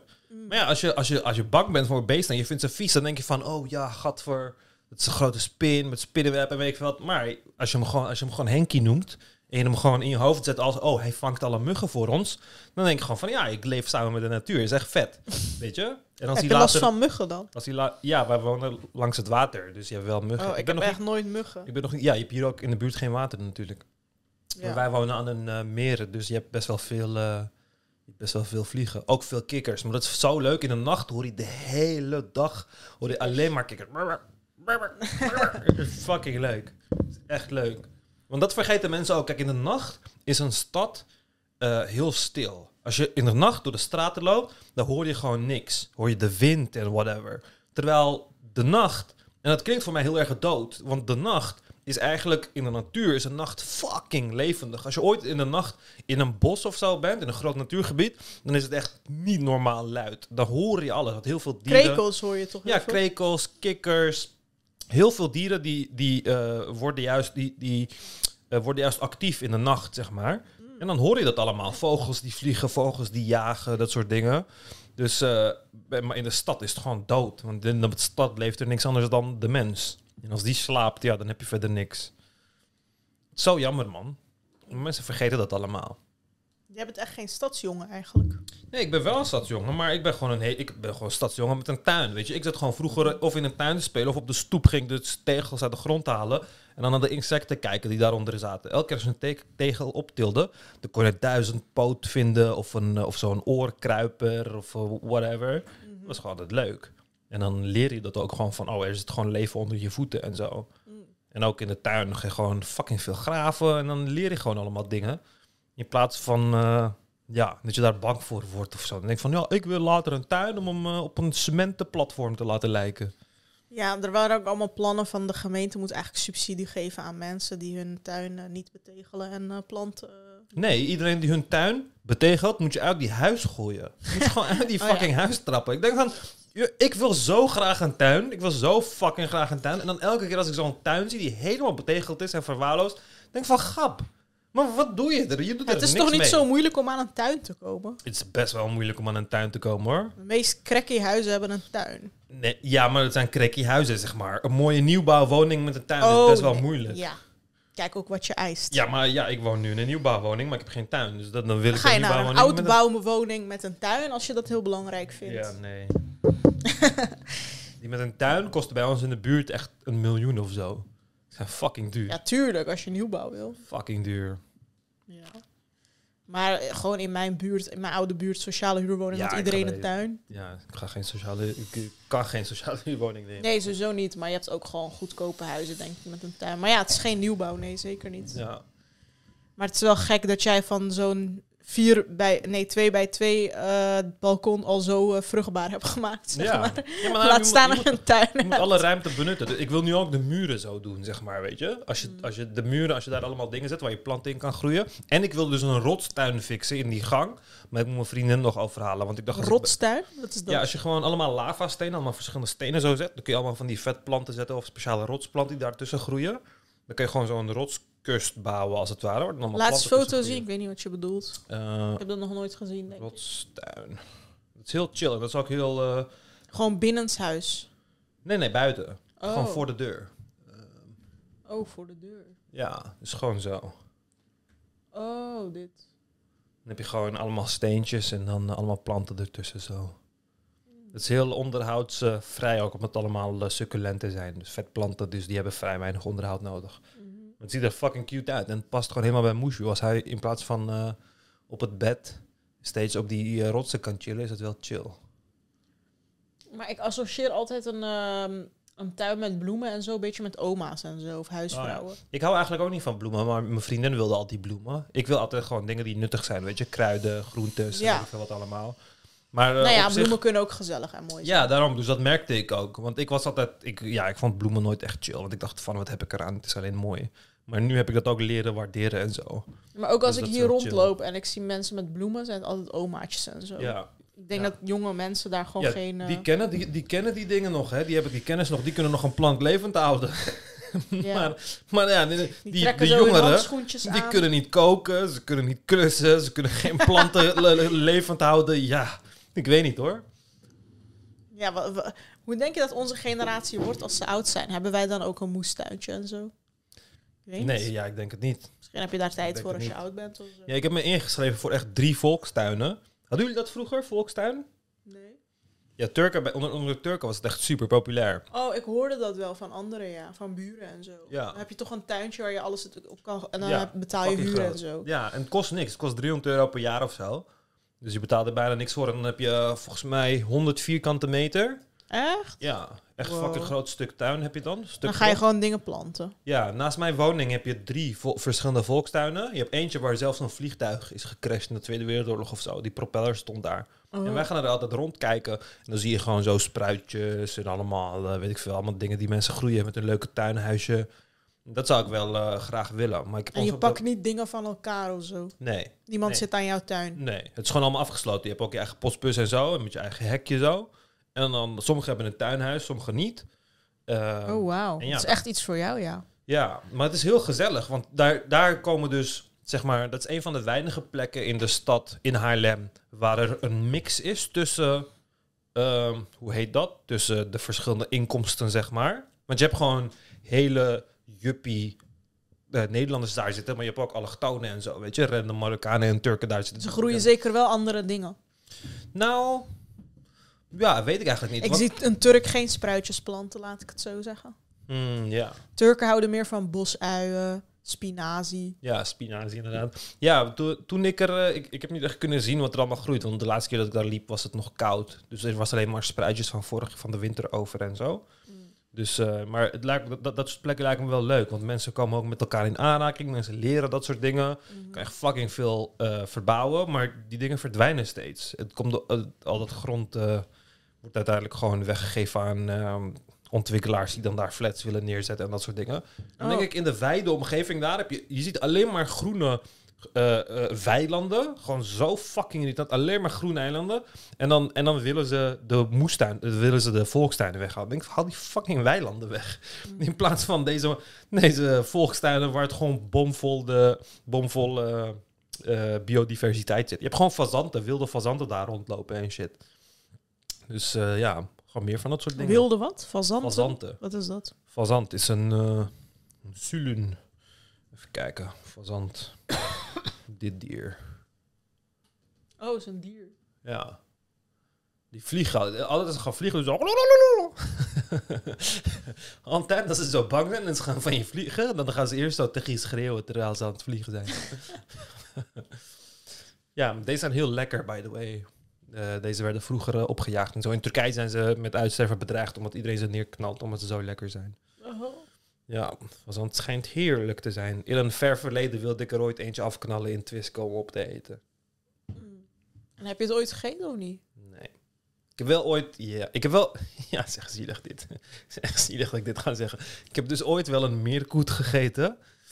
Dus ik was... Dus ik had zo'n luchtbux. Zo'n lange sniper luchtbux, legaal en zo. Ik had dat ding ooit gekocht toen ik bij mijn ouders woonde. Toen werd ik uit huis getrapt omdat ik dat ding had gekocht. Maar ik had hem gewoon in een, in een wapenkoffer met cijferslot of zo. Toen had ik ruzie met mijn ouders gekregen, want die waren van nee, het is gevaarlijk, want die broertje en zusje. Want toen zei ik van nee, maar het zit in een cijferslot ding. Toen werd ik uit huis getrapt, bla bla bla, long story short. Moest ik dat ding altijd bij vrienden Je bent houden. wel vaak uit huis getrapt, hè? Ja, ja. Maar deze keer, het was ook de periode dat ik gewoon veel geld had en zo. Werd ik uit huis getrapt en dan ging ik gewoon een ticketje boeken naar Turkije. En dan eh, drie, vier dagen later ging mijn moeder me bellen van... Heb je genoeg gehad? Kom maar naar huis. Ik van, ja, ik zit gewoon op het strand in Turkije. Ik weet niet van jou. en vanaf dat moment wisten ze van... Oké, het is geen straf meer als we naar huis trappen. Hij gaat gewoon op vakantie. Maar ik had die luchtbux bij een vriend van me. En dan gingen we altijd... Als we in de nacht gingen chillen... gingen we gewoon ergens naartoe, naar een afgelegen plek. En dan gingen we gewoon eh, zo doelen zetten. Wat is van die kaarten die je dan moet schieten. Gingen we gewoon kaarten zetten, gingen we schieten. En heel vaak deden we dat dan in een plek als Twisk eh, of Spaarnwoude of zo. Ergens waar je gewoon waar je ver zicht hebt. Zodat je weet van je gaat niet ergens schieten waar mensen komen, zeg maar. Mhm. En eh, dat, dat niemand je gewoon lastig valt. Want eigenlijk mag je alleen met zo'n ding schieten op eigen terrein. Maar ja, op, als stadsjongen heb je geen eigen terrein. Ik heb wel ooit gehad dat we dan zo die wapen zo uit die wapenkoffer halen. En dan gaan we ermee schieten en dit en dat. En ja, wij zijn gewoon een groepje allochtonen met de wapen in. Dat, dat ziet er allemaal heel verdacht uit. Oh ja. Er kwamen zo twee oude vrouwen, die kwamen ook zo lopen met een hondje. En die keken echt zo helemaal geschrokken. dus wij zo van, maak u geen zorgen mevrouw, we zijn gewoon jongens met een hele vreemde hobby. en dan hem uitleggen van, is een luchtbugs, is legaal en weet ik veel wat. Maar toen, eh, één keer was ik dus in Twiske. En toen eh, was een vriend van mij, die zei van, ja, maar ik wil een dier schieten. En toen eh, zei ik van, ja, we gaan echt geen dier schieten. Als je een dier gaat schieten, dan, dan moet je hem ook eh, opeten. Weet je, anders ga je geen fucking dier schieten. Toen zei hij van, eh, oké, nou, dan gaan we hem ook opeten. Toen dacht ik van, ja, oké, nou, dan gaan Toen we... was je overtuigd. Dan, dan gaan we een dier schieten, ja. Maar ik vond het, ik vond het zo zielig. Het was, ik heb zoveel spijt dat ik dat heb gedaan. Toen ging hij zeg maar, tegen een meerkoet, die zo in het water was, ging hij zo schieten. Had hij fucking scheef geschoten, was hij door zijn hoofd gegaan. Waardoor die zo... Maar, maar, maar, nee, dat geluid Half maakte dood. zo. Ja, dus ik pakte die geweer en ik schoot hem zo door zijn hoofd. En toen ging ik het water in. Toen ging ik die meerkoet pakken. Toen ging ik eh, gewoon zijn hele vel eraf halen, alle vleugels. Dat heb je zo Alle- met je handen gedaan. Ja, ja. Ja, Bleh. stop je gewoon je vinger in die kont en dan trek je alle organen eruit zo. Vind je dat gewoon eh, niet vies om te doen? Nee. Nee. Maar hij doet dat ook met kippen. Ja, nee. en dan laat hij maar video's zien. Echt? En dan denk ik ik- echt zo, Ik. Ik, ik, ja. Het feit dat Mai dat doet, dat, eh, dat eh, zegt juist heel veel over je. Dat je dat gewoon kan doen, weet je. Waarom, eh, is, wat zegt dat dan? Nou, dat je niet dat je een, een duidelijke beeld hebt van waar voedsel vandaan komt, waar vlees vandaan komt. En dat het benodigd is om vlees te eten. Als je vlees eet, Ja, hij zegt zelfs dat dat, hij het niet lekker vindt om een kip uit een verpakking te eten. Maar dat ja, als dat hij het zelf dat, slacht dat en zo. kan ik me heel goed voorstellen. Ja, Oh. ja kan ik me heel goed voorstellen. Ja. ik vind dat juist raar, want waarom zou je dat... Waarom is het lekkerder als je het zelf slacht? Dan- Omdat het dan jouw product is. Het is Oh, jouw ja. product. Jij hebt het van begin tot eind. Tenminste, als je jaagt niet. Maar dan heb je het ook zelf gevangen. Maar als het jouw eigen kip is, dan is het product van begin tot eind jij. En dan heb jij die kip en van het begin tot het eind meegemaakt. En je hebt gewoon een, je hebt dat, die kip zelf schoongemaakt. Dus je hebt ook een duidelijk beeld van het, het, eh, de binnenkant van die, eh, van, die, van die kip. Wat wij bijvoorbeeld deden als wij in Turkije gingen jagen. Als je dan vogels gaat jagen of zo, eenden of whatever.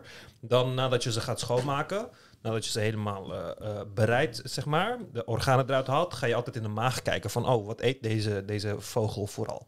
Dan zag je dat hij zaadjes eet of weet ik veel wat eet en zo. En dan heb je een veel duidelijker beeld van het dier. En waar die vandaan komt en dat soort dingen. Maar ja, wij gingen dus die meerkoet schieten. En toen ging ik hem bereiden. Dat ik zo'n kleine, echt zo'n mini spit gemaakt. Want een meerkoet is fucking klein.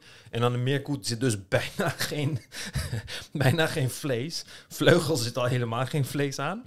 Dus, ja, eh, meerkoet is toch kapot kleine vogel. is fucking klein. Het maar twee borstjes. Twee borstjes die echt met één hap zo eraf kon bijten. En eh, ja, het was ook niet lekker. Het was heel zo... Ja, had niet echt een wild smaak, maar een...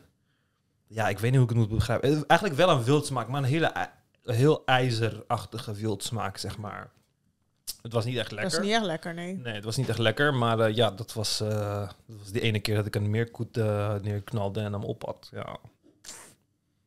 Maar eten mensen dat in restaurants en zo? Dat je zo vijf meerkoetjes op je bord krijgt of zo? Ja, in Turkije eet je bijvoorbeeld kwartel.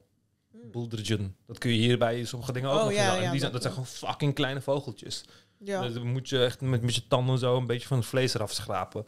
Dat is super populair in, eh, in Turkije. Het is echt, een- echt een delicatesse. Mhm. Het is ook lijp. Dus als wij kwartel gingen, op kwartel gingen jagen en je- ze gaat bereiden, dan eh, vaak eh, zaten gewoon de eitjes er nog in. En die eitjes kon je er dan nog in laten. En dan kon je dat gewoon mee, mee bereiden, zeg maar. Mhm. Dan heeft hij vijf eieren in zijn maag of zo. Dan laat je die gewoon erin. Of in zijn maag, in zijn lichaam, in zijn lichaamsholte. Dan laat je dat gewoon erin en dan eh, gaat die gewoon eh, in de pan. En dan straks als je het vlees eruit had, kun je ook die eitjes eten. Ja. Raar. Eh, ik was laatst bij mijn uitgever Mai aan het eten. En toen was een vrouw in de keuken kreeft aan het bereiden, geloof ik. Of Oh, nee, ja. wat was het nou? Ja, kreeft volgens mij. Dat ze levend in de pan moeten, toch? Oh ja. Ik vond het verschrikkelijk ja. om te zien. Ik begrijp niet waarom ze levend in een pan moeten dan. Dat, is, dat hoort zo, toch? Of zo? Nee, je koopt ze gewoon levend. En dan ga je ze bereiden. Maar je kan ze ook zeg maar doodmaken voordat je ze in de pan gooit, zeg maar. Mm. Ja, ik zou gewoon een pin door zijn hoofd eh, doen voordat ik hem in de pan gooide, zeg maar. Mm. Moet geen verschil maken in smaak. Heb jij ooit kreeft gegeten? Ja, maar vind ik echt niet lekker. Oh, dat is wel juist wel lekker. Ja, ik ben Maar niet jij vindt de- garnaal ook niet lekker. Dus Nee, ja. ik ben niet van... Ja, maar het zijn insecten. Beetje garnaalachtige Het is- smaak. Oké, geen insecten, ongewervelde. Het zijn gewoon insecten in principe. Ja. Ja, waarom eet- eten mensen geen landinsecten eigenlijk? Maar wel zee-insecten. Als ze uit de zee komen, dan zijn ze wel lekker. Ik weet niet, schorpioenen worden toch ook niet gegeten? Nee, ja, die komen ook niet uit de zee. Maar als, als een schorpioen, dat eh, komt vrij in de buurt van een kreeft. Ja, kreeft heeft een beetje vlees. Ja, insecten hebben toch niet echt vlees? Jawel, insecten hebben ook vlees. Het zijn allebei ongewerveld. Dus ze horen gewoon evenveel vlees te hebben als ze Mm. even groot zijn. Bijvoorbeeld, je hebt landkrabben, zoals de coconut crab. Die leven gewoon alleen op het land. Die hebben gewoon net zoveel vlees als een andere krab. Hmm. Dus het is puur de associatie van... eh, Ja, maar vroeger waren die dingen ook zo. Bijvoorbeeld kreeft was vroeger arme voedsel. Alleen arme mensen aten Echt? kreeft. Nu ja. is het rijke voedsel. Ja, is het met oesters ook zo geweest. Oesters Ja. zijn de filters van de oceaan. Het zijn letterlijk de... Zeg maar, nadat alle dieren alles hebben opgegeten en uitgepoept en weer opgegeten en Oh, uitgepoept en weer opgegeten vind en zo lekker. dan zijn oesters bezig. Oesters zijn zeg maar op de bodem van de voedselketen. Die, eten, die filteren alle poep uit de oceaan. Dus dat we, al die dingen werden vroeger geassocieerd jij dat lekker? Mensen. Nee, ik hou van geen enkel... Ik hou alleen van vis. Oh. Gewoon van vis. Als ik, als ik het moet eten, dan moet het gewoon een, een, een... Het moet gewerveld zijn. Het moet een ruggengraat hebben. zeg maar, anders eet ik het niet. ik eet alleen gewervelde dieren, niet ongewervelde dieren. Gewoon puur voor de smaak? Of? Ja, voor de smaak. De rest is een beetje te ver van eh, mijn orde van dieren. zeg Ik heb dus ook laatst caviar gegeten in een restaurant met mij. Ja. vond ik ook niks speciaals aan, eigenlijk. Ja, ik het was wel lekker. Ik vind het wel lekker, maar het ehm, is ook niks speciaals aan. Vooral wanneer er is dus eh, gewoon van die het is gewoon een soort van bubbelige... het lijkt bijna ja, het zijn plastic. gewoon balletjes. Het zijn gewoon balletjes, Balletjes die heel vissap. erg naar vis smaken. Ja, het zijn gewoon balletjes vissap inderdaad. Maar daarom in die nieuwe, je hebt zeg maar wat eh, al 10, 15 jaar in opkomst is, heb je toch die, eh, hoe heet dat? Iets gastronomisch, chemisch, gastro hoe heet het ook alweer? Iets gastronomie of zo, ik weet het niet. Moleculaire gastronomie volgens mij. Dus in de Mhm. nieuwe, nieuwe restaurants dan gaan ze heel erg werken met foompjes of met eh, gaan ze balletjes maken of geleitjes maken van bepaalde dingen. En je kan, je kan gaan ze met al alginaat, volgens mij, gaan ze dan werken. En dan kan je bepaalde... Dat je een beetje kunst maakt van het Ja, eten. dan heb je van die perzikballetjes of een basilicum balletje of weet ik wat. In diezelfde zin zou je ook caviar kunnen maken. Maar heel veel caviar, tenminste echte, echte caviar, dat is van die... Is het nou beluga caviar of zo? Zoiets? Eh, beluga caviar. Ja. Dat is dus van eh, de steur. En de steur is een hele, hele ehm, speciale vis. Dat is een soort van prehistorische vis die helemaal gepantserd is. Die zwom vroeger ook in Europese, in de Nederlandse rivieren. Maar die is dus met uitsterven bedreigd. Overal in de hele wereld. En, eh, maar omdat we de caviar eten, zijn we die eh, vissen dus fucking lang aan het groeien. Dan ga je ze echt tien jaar groeien of zo. En dan worden het hele grote steuren. En dan eh dood je ze en dan snij je ze open en dan haal je het caviar eruit. Terwijl ze in het wild zeg maar met uitsterven zijn bedreigd. Dus Hmm. dat vind ik een vrij hoge prijs om te betalen voor balletjes met vissmaak. Ja. Eh, los van dat het waarschijnlijk wel fijn voelt dat je er veel geld aan hebt uitgegeven. Oh, ik eet caviar, ja. weet je. Maar Het is echt gewoon een hype, heel veel van die dingen. Ja, natuurlijk is het een hype. Nee, maar daar, dat, dat laat het toch zien van dat oesters of kreeften nu een soort van premium voedsel is, terwijl het vroeger van de armen was. Nou, ik vind oester wel echt heel lekker, maar caviar vind Ja. ik gewoon niks speciaals. Ja, ja, oester heeft ook niet een hele grote impact voor, ehm, voor de natuur. Los van dat dit gewoon heel vies is. Ehm, vies in de zin van, het is gewoon een filter. Sander Schimmelpennings vrouw, vriendin, die is dus oestervanger. Ja, Stel dat je beroep is, Ja, maar het is- oester, het is- diepzeeduiker. is, is het vanger vind ik een beetje... eh, er wordt het te spannend gemaakt, want de, oesters kan, de oester kan nergens heen, dus je hoeft hem ook niet te vangen. Ik zou het meer een oesterplukker noemen. Oh het is ja. meer een plukactie.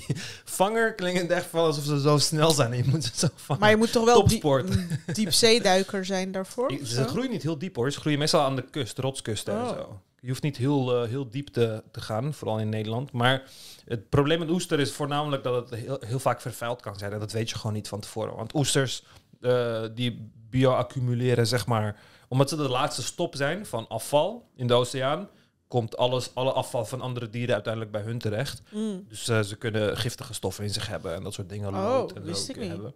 En heel vaak worden dat di- dingen niet gecontroleerd. En ik zou dus nooit oesters eten uit... eh, Zijn dat de reden dat ze haram zijn? nee, nee. Want garnalen mag je ook niet omdat ze vieze Echt? dingen eten, toch? Ja, ik weet niet of dat zo is hoor. Dat heb ik gehoord Ik op denk de dat moskee. Ik denk dat het niet mag omdat ze... Omdat het volgens de christendom toch ook niet mo- mocht of zo. Nee, van christendom mag het wel. Joden mogen geen schaaldieren eten. Oh ja. En bij moslims, Marokkanen wel, Turken niet, omdat Turken Hanafi-wetschool volgen. volgen. En die zegt van, eh, die eten viezigheid. Ja. Net als varken, die eten toch ook viezigheid? Ja, maar een koe ook. En een kip ook.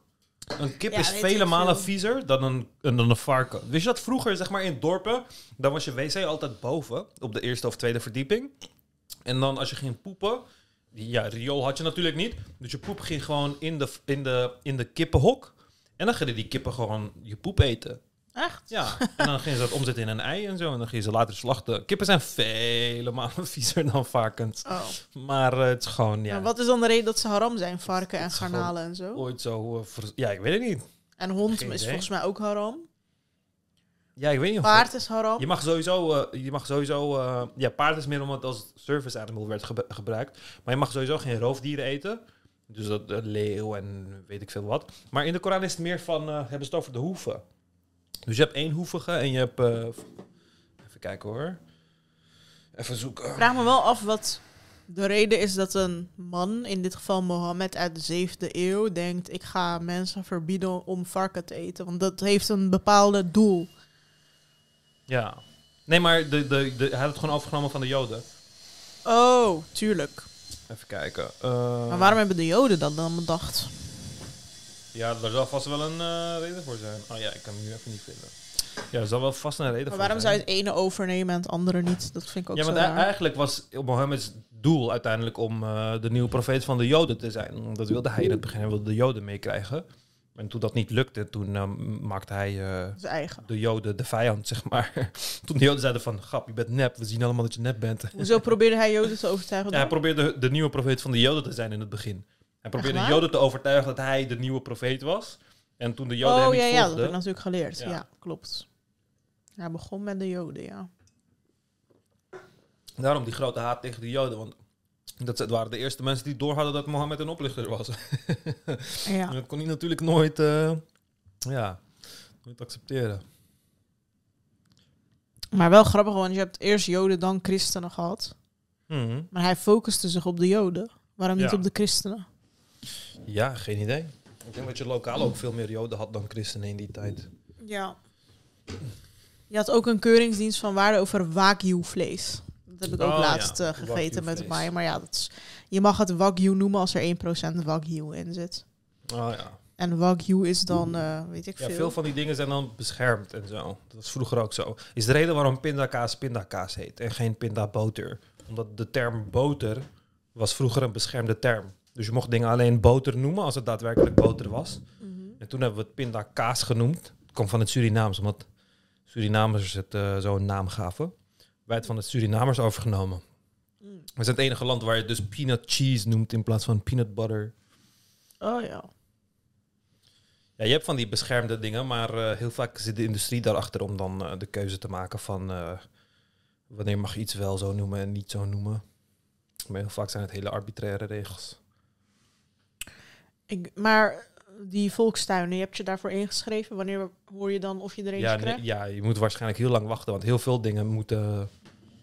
Heel veel eh, mensen staan op zo'n wachtlijst en dan moet je gewoon. eh, Oh, waarom maken ze er niet gewoon een paar meer? Zodat iedereen... eh, Ja, dat wilt iedereen eigenlijk. Want eh, ik heb nog nooit een volkstuin gezien met te weinig animo. Het is altijd een hele lange wachtlijst. Maar Ja. het is gewoon een heel stuk grond.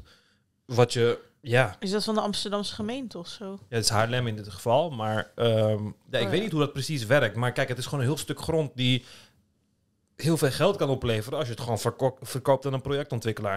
En het is Ja. veel makkelijker om dat geld, om dat de grond over te nemen van eh, een of andere volkstuin dan van eh, een of andere boer. Die boer eh, die oont natuurlijk zijn land.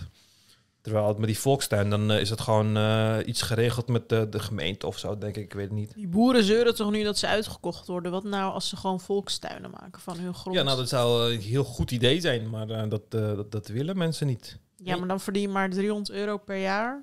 Ja, per perceel ongeveer.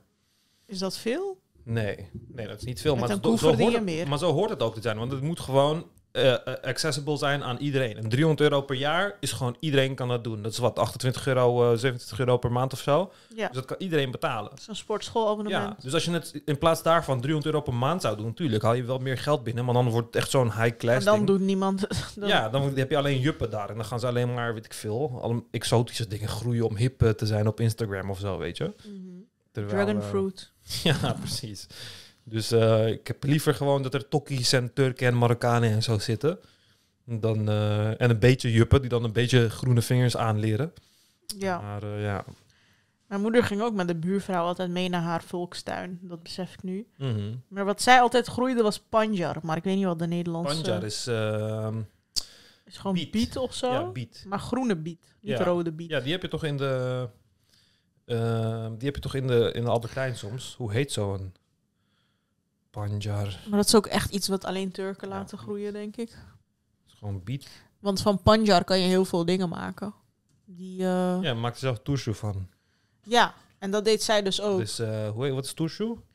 Turşu is eh, is eigenlijk inge- geen- ingemaakte groente. Ja, dat vind ik echt jammer van het Nederlands. Dat, dat, dat, het heeft niet zo'n enkele naam dat. Terwijl het best wel groot is, toch? Ja, Ingemaakte groenten. ja augurken, zilveruitjes. Heb je daar niet zo'n groep eh, s- naam voor? Ja, tafelzuren of zo. Ja, zoiets, hè? Want je hebt toch dat Amsterdamse bedrijf, tafelzuren, wat je overal ziet.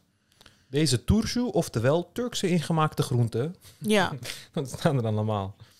Torshi. Oh, torshi komt van het Perzische. Torshi is eigenlijk Perzisch, blijkbaar.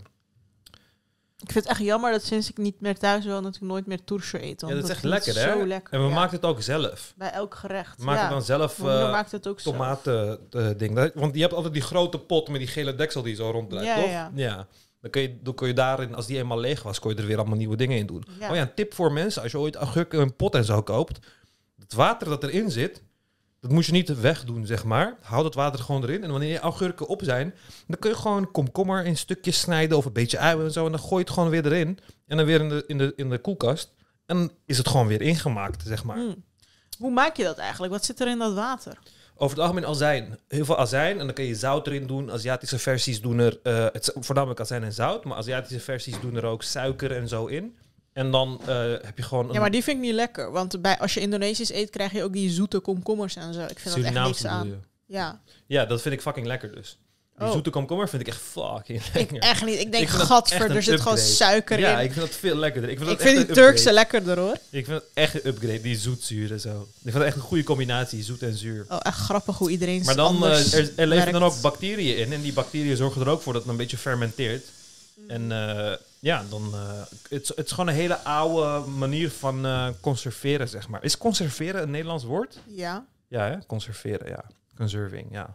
Dus het is gewoon water, azijn en zout. Ja, voornamelijk, ja. Dus iedereen kan het maken. Mhm. Oh ja. Mijn moeder maakte zelfs haar eigen yoghurt. Ik weet niet meer hoe ze dat deed. Maar dat was ook wel Ja, yoghurt is fucking simpel te maken. Je neemt gewoon... Je neemt gewoon Yoghurtcultuur. Ja, maar je kan gewoon yoghurt uit de supermarkt gebruiken. Tenminste, ik weet niet of je Nederlands yoghurt kan gebruiken, maar Turks yoghurt wel. Want yoghurt leeft gewoon. Er zitten gewoon bacteriën in. Dus je neemt gewoon heel veel melk. En dan doe je gewoon een beetje yoghurt in die melk. En dan wacht je en dan wordt die melk Ja, gewoon ja, weer ja, yoghurt. precies. je, kan me- je kan yoghurt gewoon unlimited maken de hele tijd. En heel veel mensen weten dat dan niet. En dan denk je van, hè? Ja. Ze had altijd zo'n glaasje waarin ze dat bewaart. Ja, Mhm. dat heet volgens mij yoghurtcultuur. Ja, in is het gewoon cultuur, Nederlands, ja. Ja. Hetzelfde Ja. met kefir en zo kun je ook heel makkelijk maken.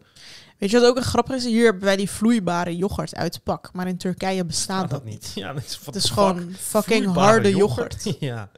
ja, maar je hebt dan ook die yoghurt met eh kaimaklu yoghurt bijvoorbeeld. Dat is dan die yoghurt met een hele lage room aan de bovenkant. Mhm. Dat is ook fucking lekker. Zeg maar, de, de, dat zul- zullen mensen ook merken als je naar de Turkse supermarkt gaat. Als je naar een grote gaat, de vari, va- variëteit, variëteit, variëteit, Ja, variatie. ja.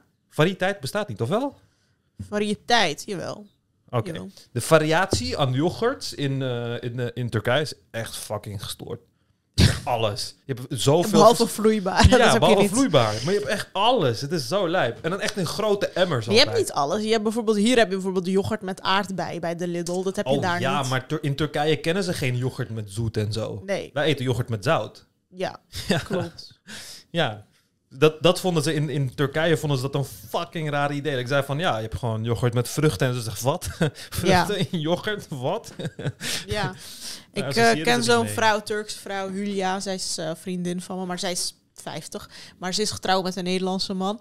En dat heb, daarover hebben ze dus altijd discussies. Want zij eet gewoon alles met yoghurt, met Mhm. Turkse yoghurt. En dat vindt hij gewoon nog steeds een raar idee. Van je eet je aubergine met rijst met yoghurt. Ja, je eet je vlees met yoghurt. Ja, natuurlijk. Hij, hij associeert yoghurt met gewoon ontbijt. Met, Mhm. met eh krusli erin, weet je wel. Het is gewoon zo gek voor als je dat gewend bent. ja, ja. Ja, ja, maar aan, ja, aan onze kant van de wereld is het zo. Ja precies. Griek, Griekenland is ook zo. Je hebt gewoon tzatziki en, en jajik en zo. Dat zijn allemaal eh, zoutige dingen. Mhm. Hetzelfde met hoe mensen geen, eh, geen ayran kunnen drinken, man. Want Ja. ayran is voor niet-Turken een fucking gestoord concept. Het is, het is zout drinken. Waarom Ja. zou je drinken De zout, zijn? yoghurt en water. Want drinken, drinken om, om te hydrateren. En zout water hydrateert gewoon niet. Maar ayran op de een of andere manier wel. Ja. Het is echt fucking lekker. Nou, ik maakte mijn ayran altijd zonder zout. Want die zout voegt eigenlijk niks Mm. toe. Vind ik. Je hebt nu, ik heb gisteren gehaald. In de Turkse supermarkt heb je köy ayranen. Dus dat is dorps eh ayran. En die, daar zit veel minder zout in. Maar het is gemaakt van zure melk. In plaats Mm. van normale melk. Dus het heeft zo'n hele lekkere zure smaak erbij. En Mm. dat is die, dat is die achik ayran die je normaal haalt, weet je. In Ja. een restaurant. in Turkije. Oh, met- die is met zo schuim lekker. En zo, ja. ja. Die smaakt wat zuurder dan zout, zeg maar.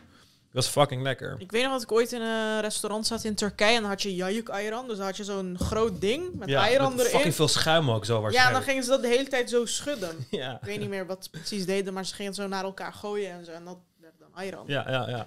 En dan krijg je het in zo'n koperen glas meestal. Zo'n groot glas. Ja. Zo'n bierpulachtig. Oh, lekker, man. Ja, fucking lekker. Maar het lijp hoe ze zo'n zout drankje je toch kan niet... Want koude ayran, dat is gewoon iedereen's eerste keuze in Turkije in een Mhm. zomerse dag. Maar ja, hyd- hyd- hydrateert je gewoon ook. Ja, dat zijn wel de dingen die ik dan mis als ik in Spanje ben en zo. Dat soort Ja. dingen heb je dan niet. Daar hebben ze gazpacho. Ja, Dat is ook lekker, maar ja. anders. Nee, in Turkije heb je ook heel veel dingen niet. Als je goede patat wilt in Turkije, kan je dat niet vinden. Nee. Ze hebben geen sauscultuur. In Turkije Nee, je gewoon geen krijgt, saus. in Spanje ook niet. Je bestelt patat, je krijgt gewoon geen saus. Je bestelt calamaris, je krijgt geen saus. Ja. Je- Ze hebben alleen aioli. als Ik saus. zat gisteren eraan te denken dat, dat je geen... Je hebt geen woord voor patat in Turkije. Patates kızartması. Ja, je hebt gewoon gebraden aardappel. Of gebakken aardappel, zo heet Ja. dat. Maar je hebt geen woord voor patat en zo, omdat die hele Nee. cultuur er niet bestaat. Nee. Het is meer iets wat met de komst van McDonald's daar gekomen Ja, is. En zelfs bij McDonald's heet het patates kızartması. Stel je voor, je wilt patat zeggen, maar je moet patates kızartması zeggen. ja, Kapot lang. ja. Eh, ik, ik, luister, ik luister dus nu toevallig ook een Turkse podcast. Dat deed ik eerst nooit, maar ik heb één zo'n heel leuk ontdekt. En zij zegt dus, zij is iemand die ook in het buitenland heeft gestudeerd en zo. En zij zegt van ja, ik kan hier nergens nachos kopen. Oh ja. Gewoon nachos met Ja. gehakt, sour cream, ja. bonen. Ik denk dat je eh, zelf sour cream moeilijk vindt daar. ja, avocado, hoe noem je dat? Die smashed hoe noem je dat? Eh, guacamole. Dat, dat heb je gewoon niet. Mhm. Dus ze zegt van ja, ik, ik crave daar zo erg naar. En moet dit en dat. maken. Ja, ze zei van ja, dat is uiteindelijk duurder dan. eh, Ja. ik weet niet meer wat ze zei. Maar ja. Ja, dat soort simpele dingen heb je daar. Ja, wat het niet. voordeel van Nederland, dat je eigenlijk gewoon van elke cultuur wel kwalitatief voedsel kan vinden hier. Ja, klopt. Weet je? Terwijl eh, in Je hebt daar ook geen. Chinees en zo. Je kan In daar niet. Ja, je kan daar niet Nee, bakjes heb je wel heel Chinees veel. eh, bestellen. je- jawel, tegenwoordig wel. Tenminste, Ja? ik, ik bestelde heel vaak Chinees noedels en zo. Ook Japans. Best wel, eh, best wel vaak. Of Indonesisch. Hier kun je overal Indonesisch eten. Nee, Indonesisch heb, heb, ik niet, heb je niet inderdaad. ik weet het nog, is gewoon niet populair. Waarschijnlijk zou je wel één of twee kunnen vinden, maar eh, het is niet heel populair. in Spanje is dat dus ook helemaal onbekend. En ik had nasi gemaakt voor de Spaanse vriend van mijn eh, Spaanse kant van mijn schoonfamilie. En die vonden dat zo lekker. Ze zeiden elke keer van ja, ho- hoe maak je dit? Maak het nog een keer, dit en dat. Hebben ze gewoon nog nooit gegeten, gewoon nasi. Iets wat heel standaard is, weet je wel. Tafelzuur. Ja, dat zei ik al. Dat is het. Oh ja, dat. Tafelzuur, Ja, kwam opeens in mijn hoofd. Ja, tafelzuur. Dat is een goed woord. Ja. Dat is toch dat ene merk van uit Amsterdam. Je hebt zo'n Joods... Of zo? Ja, ja. Dat is een Joods bedrijf wat echt overal zit. Ik dacht vroeger dus dat het altijd dat een Turks bedrijf ja, ik was. dacht dat ook. Het klinkt Turks. of zo. Het klinkt Turks, weet je. Ja. Het klinkt niet Nederlands in Maar het is een. Joods bedrijf. Ja, nou, goed om te weten wel. Ik vind sowieso Joodse cultuur heel erg op Turkse cultuur lijken. Ja, ik bedoel, het komt f- veel meer in de buurt dan de Nederlandse cultuur. Ja, Ik bedoel, niemand... ge- geen van de groepen allochtonen komt uit een cultuur die in de buurt komt van de Nederlandse cultuur. Want dat is echt alleen maar, eh, ja... Eigenlijk Noord-Europese cultuur een beetje. ja. Ja, ik weet, ik heb zo'n eh, hele goede vriendin die Joods is. Zij, gaat, zij heeft ook familie in Israël en zo. En elke keer als ze over die dingen praat, denk ik, wow, dit is echt precies Turks. Israël lijkt ook eigenlijk een beetje Turks, behalve dat... Ja, maar de mensen die daar wonen hebben ook van die hele strenge vaders en moeders die dan Ja. religieus een beetje je zo allemaal een beetje zo en getraumatiseerde ouders. Ja, ja, precies. Ja, dus kijk, zij hebben nog een holocaust meegemaakt, maar ik weet niet waarom Turken zo zijn. Ja, ja. Maar daar heb je ook dus die religieuze versus de seculiere, Mm, die hele strijd. erg, ja. Ja, en wat ehm, die ehm, in de groep had ook uitgelegd van die Haredi-joden ja. met hun eigen kosher telefoons en hun Ja, als, kosher je, als je in de zomer met een zomerjurkje loopt, dan gaan de, ja, gaan de conservatieve joden die gaan er gewoon wat van zeggen. Ja, Er zijn gewoon buurten waar je niet zo rond mag lopen. ja. Ja, dat wel. Ik vind wel dat ehm, als ik kijk naar Marokkaans eten, dat lijkt niet echt op Turks eten. Bijvoorbeeld couscous en zo. Maar soms vind ik ook dat ze het verpesten met bijvoorbeeld gaan ze er rozijnen in doen of Oh. pruimen. Ja man, ik En vind dan het echt denk ik echt- Hollands. Ik denk echt van, heb je dat van Nederlanders of zo? Want, Ja, want je hebt knor, knor Turkse durum of zo, van die malletpak. ja. En dan zit er appel in die durum. Echt? Ja, er zit fucking Appel? appel. Ja. Dan denk ik van, wat ze heb je daarbij? gedaan? Oké, ik snap dat je het een Nederlands tintje wilt geven, maar waarom appel in een durum? Waarom? Gadver. ja. Hoe komen ze Even erbij? kijken, knor, durum. Even kijken, ik ben even- Sorry, dat staat nergens op. Je hebt nergens appel in een durum in Ja, heel Turkije appel niet. ook nog. Denk van, oké, als je er... eh, eh, kijk, zelf toevoegen. Hier, dit is knor. Oh, het is al bijna half vijf, joh. Oh, damn. Freek is er bijna. Ja, er zit gewoon zelf toevoegen. één appel. Met paprika zit erin, ui zit erin en een appel. Oh my Dat is zo raar. What the fuck? Gewoon als je in Turkije een appel in een durum doet, gaan ze je slaan. Ik zweer, ze gaan je slaan. Wie doet dat? We moeten echt knor een mail schrijven met hoe Ja. kom je hierbij? Ja. Lijkt wel alsof een Turkse getrold Maar heeft stel je voor, stel je voor dat je dit als, als Nederlander koopt dit en dan maak je het zo en dan vind je het lekker en dan denk je op werk van, oh, ik ga even aan mijn Turkse collega vertellen hoe ik gisteren lekker durum heb gemaakt. Zeg je zo van, ja, hey Hassan, gisteren heb ik echt lekkere durum gemaakt met lekker paprika en appel. oh, ze gaan je uitlachen. ze gaan je uitlachen. Je Maar er zit toch ook geen paprika in? Nee, nee. Nee. Over het algemeen is- doen ze een biber erin of zo, hoogstens. Gewoon een beetje zoan en biber, een beetje ui- uien en, eh En die peper. Puntpeper. Ja, zo'n groene puntpeper. Maar eh, paprika en zo, ja, nee. Ja. Ja, normaal gewoon vlees. Ja, misschien hooguit een yoghurtsausje. Ja. Grappig. Ik zie wel dat cheekuf er nu overal in is. Oh, is daar echt- heb ik een verhaal over. Eén keer. Welke chick was dit? Dit was iemand, ik weet niet meer wie dit was. Ik weet niet of het een podcastluisteraar was. Maar zo ja, dan sorry dat ik je verhaal ga vertellen.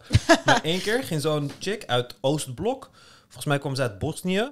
Die ging eh, dus cheekuf halen. En dan had ze het in de stories gezet. Van ja, cheekuf gehaald en dit en dat. En zij kon dus een beetje Turks. En zij kon dat dan een beetje vertalen. Cheekuf van rauw gehaktbal. En toen zag ik in een story dat ze dat gehad. En de volgende story was dat ze die cheekufte in een pan aan het, aan het bakken was. Zo. Oh my god. Want zij dacht, die gaat naar de winkel en dan krijg je allemaal rauwe gehakt. En dan Zij dacht dat thuis is gewoon... bakken. Oh my god. Ja. Dus ze zegt uiteindelijk, ik kijk door die stories, zegt ze uiteindelijk van ja, het is helemaal niet lekker geworden. Ik weet niet waar het is misgegaan en zo. ik, stuur de, ik stuur de DM, ik zeg van luister, je moest het gewoon gelijk eten. Het heet rauw gehaktbal, maar je hoort het zo te eten. Oh my god.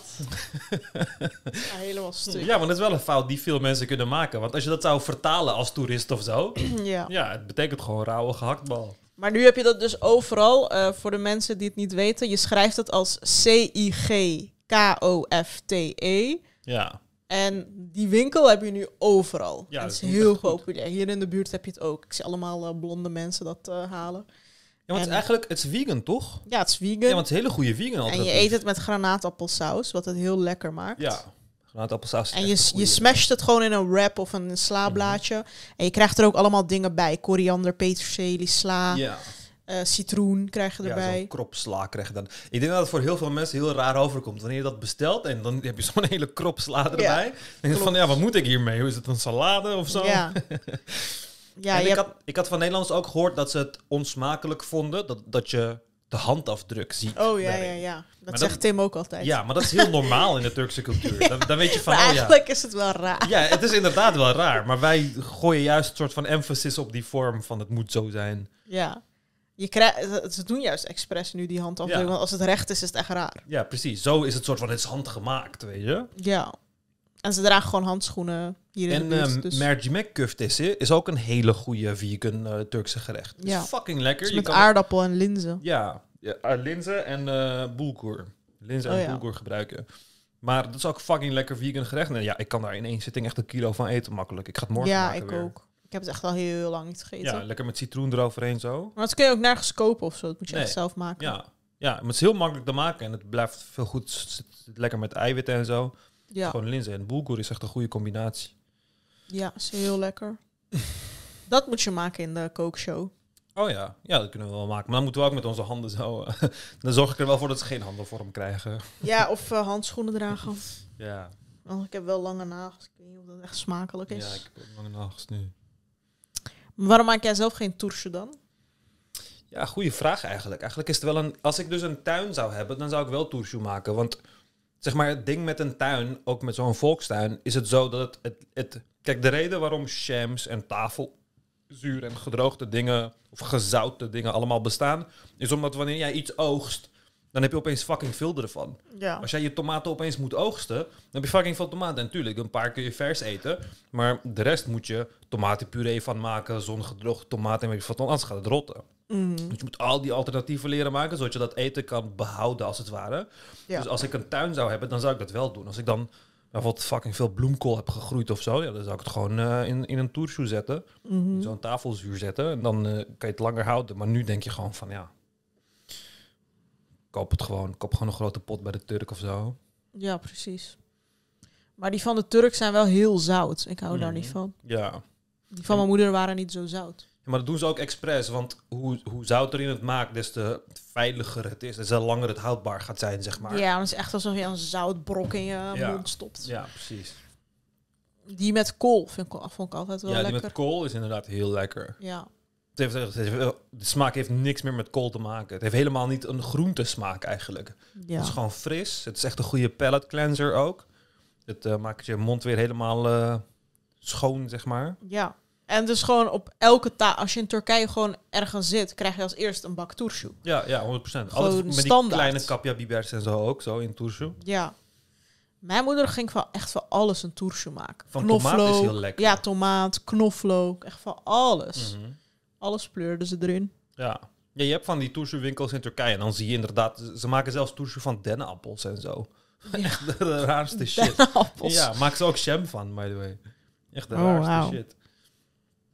Ja, en van die panjar-stokjes maakten ze dus ook turşu. Oh ja. Zei ze van, ja, Nederlanders zijn dom. Die weten niet dat je dit kunt eten. Want iedereen ging het weggooien bij die Ja. volkstuinen. ja, ja, ja. Maar dat is echt lekker hè, als je daar toetje van maakt. Je kan uiteindelijk heel veel dingen wel eten, denk ik. Ehm, Oké, wacht. Wat wil ik nog meer zeggen? Nou, we hebben de hele podcast volgeluld met dit. Nou, ik denk dat ik hierbij ga afronden, want Freek is er bijna. Ja. Dankjewel voor het luisteren. Eh, als je ooit durum met appel hebt gegeten van Knor, laat weten hoe het proeft. en anders ga het kopen en laat ons weten hoe het smaakt. Ja. Ik vraag me echt af of dat een lekkere combi is. Dat hebben ze echt zelf bedacht, denk ik. En eh, de donateur kun je worden op ikgaleven.backme.org. Dan eh, loop je vier, vijf afleveringen vooruit meestal. En heb je veel eerder de afleveringen. Minimaal drie weken eerder. Eh, en je hebt toegang tot de extra afleveringen. Want wij maken ook een kookshow. Die komt nu in de donateursgroep. En ehm, ja, dat kost maar 5 euro in de maand. En ja, geef het vooral ook een like en een comment. Tot de volgende keer. Tot de volgende keer.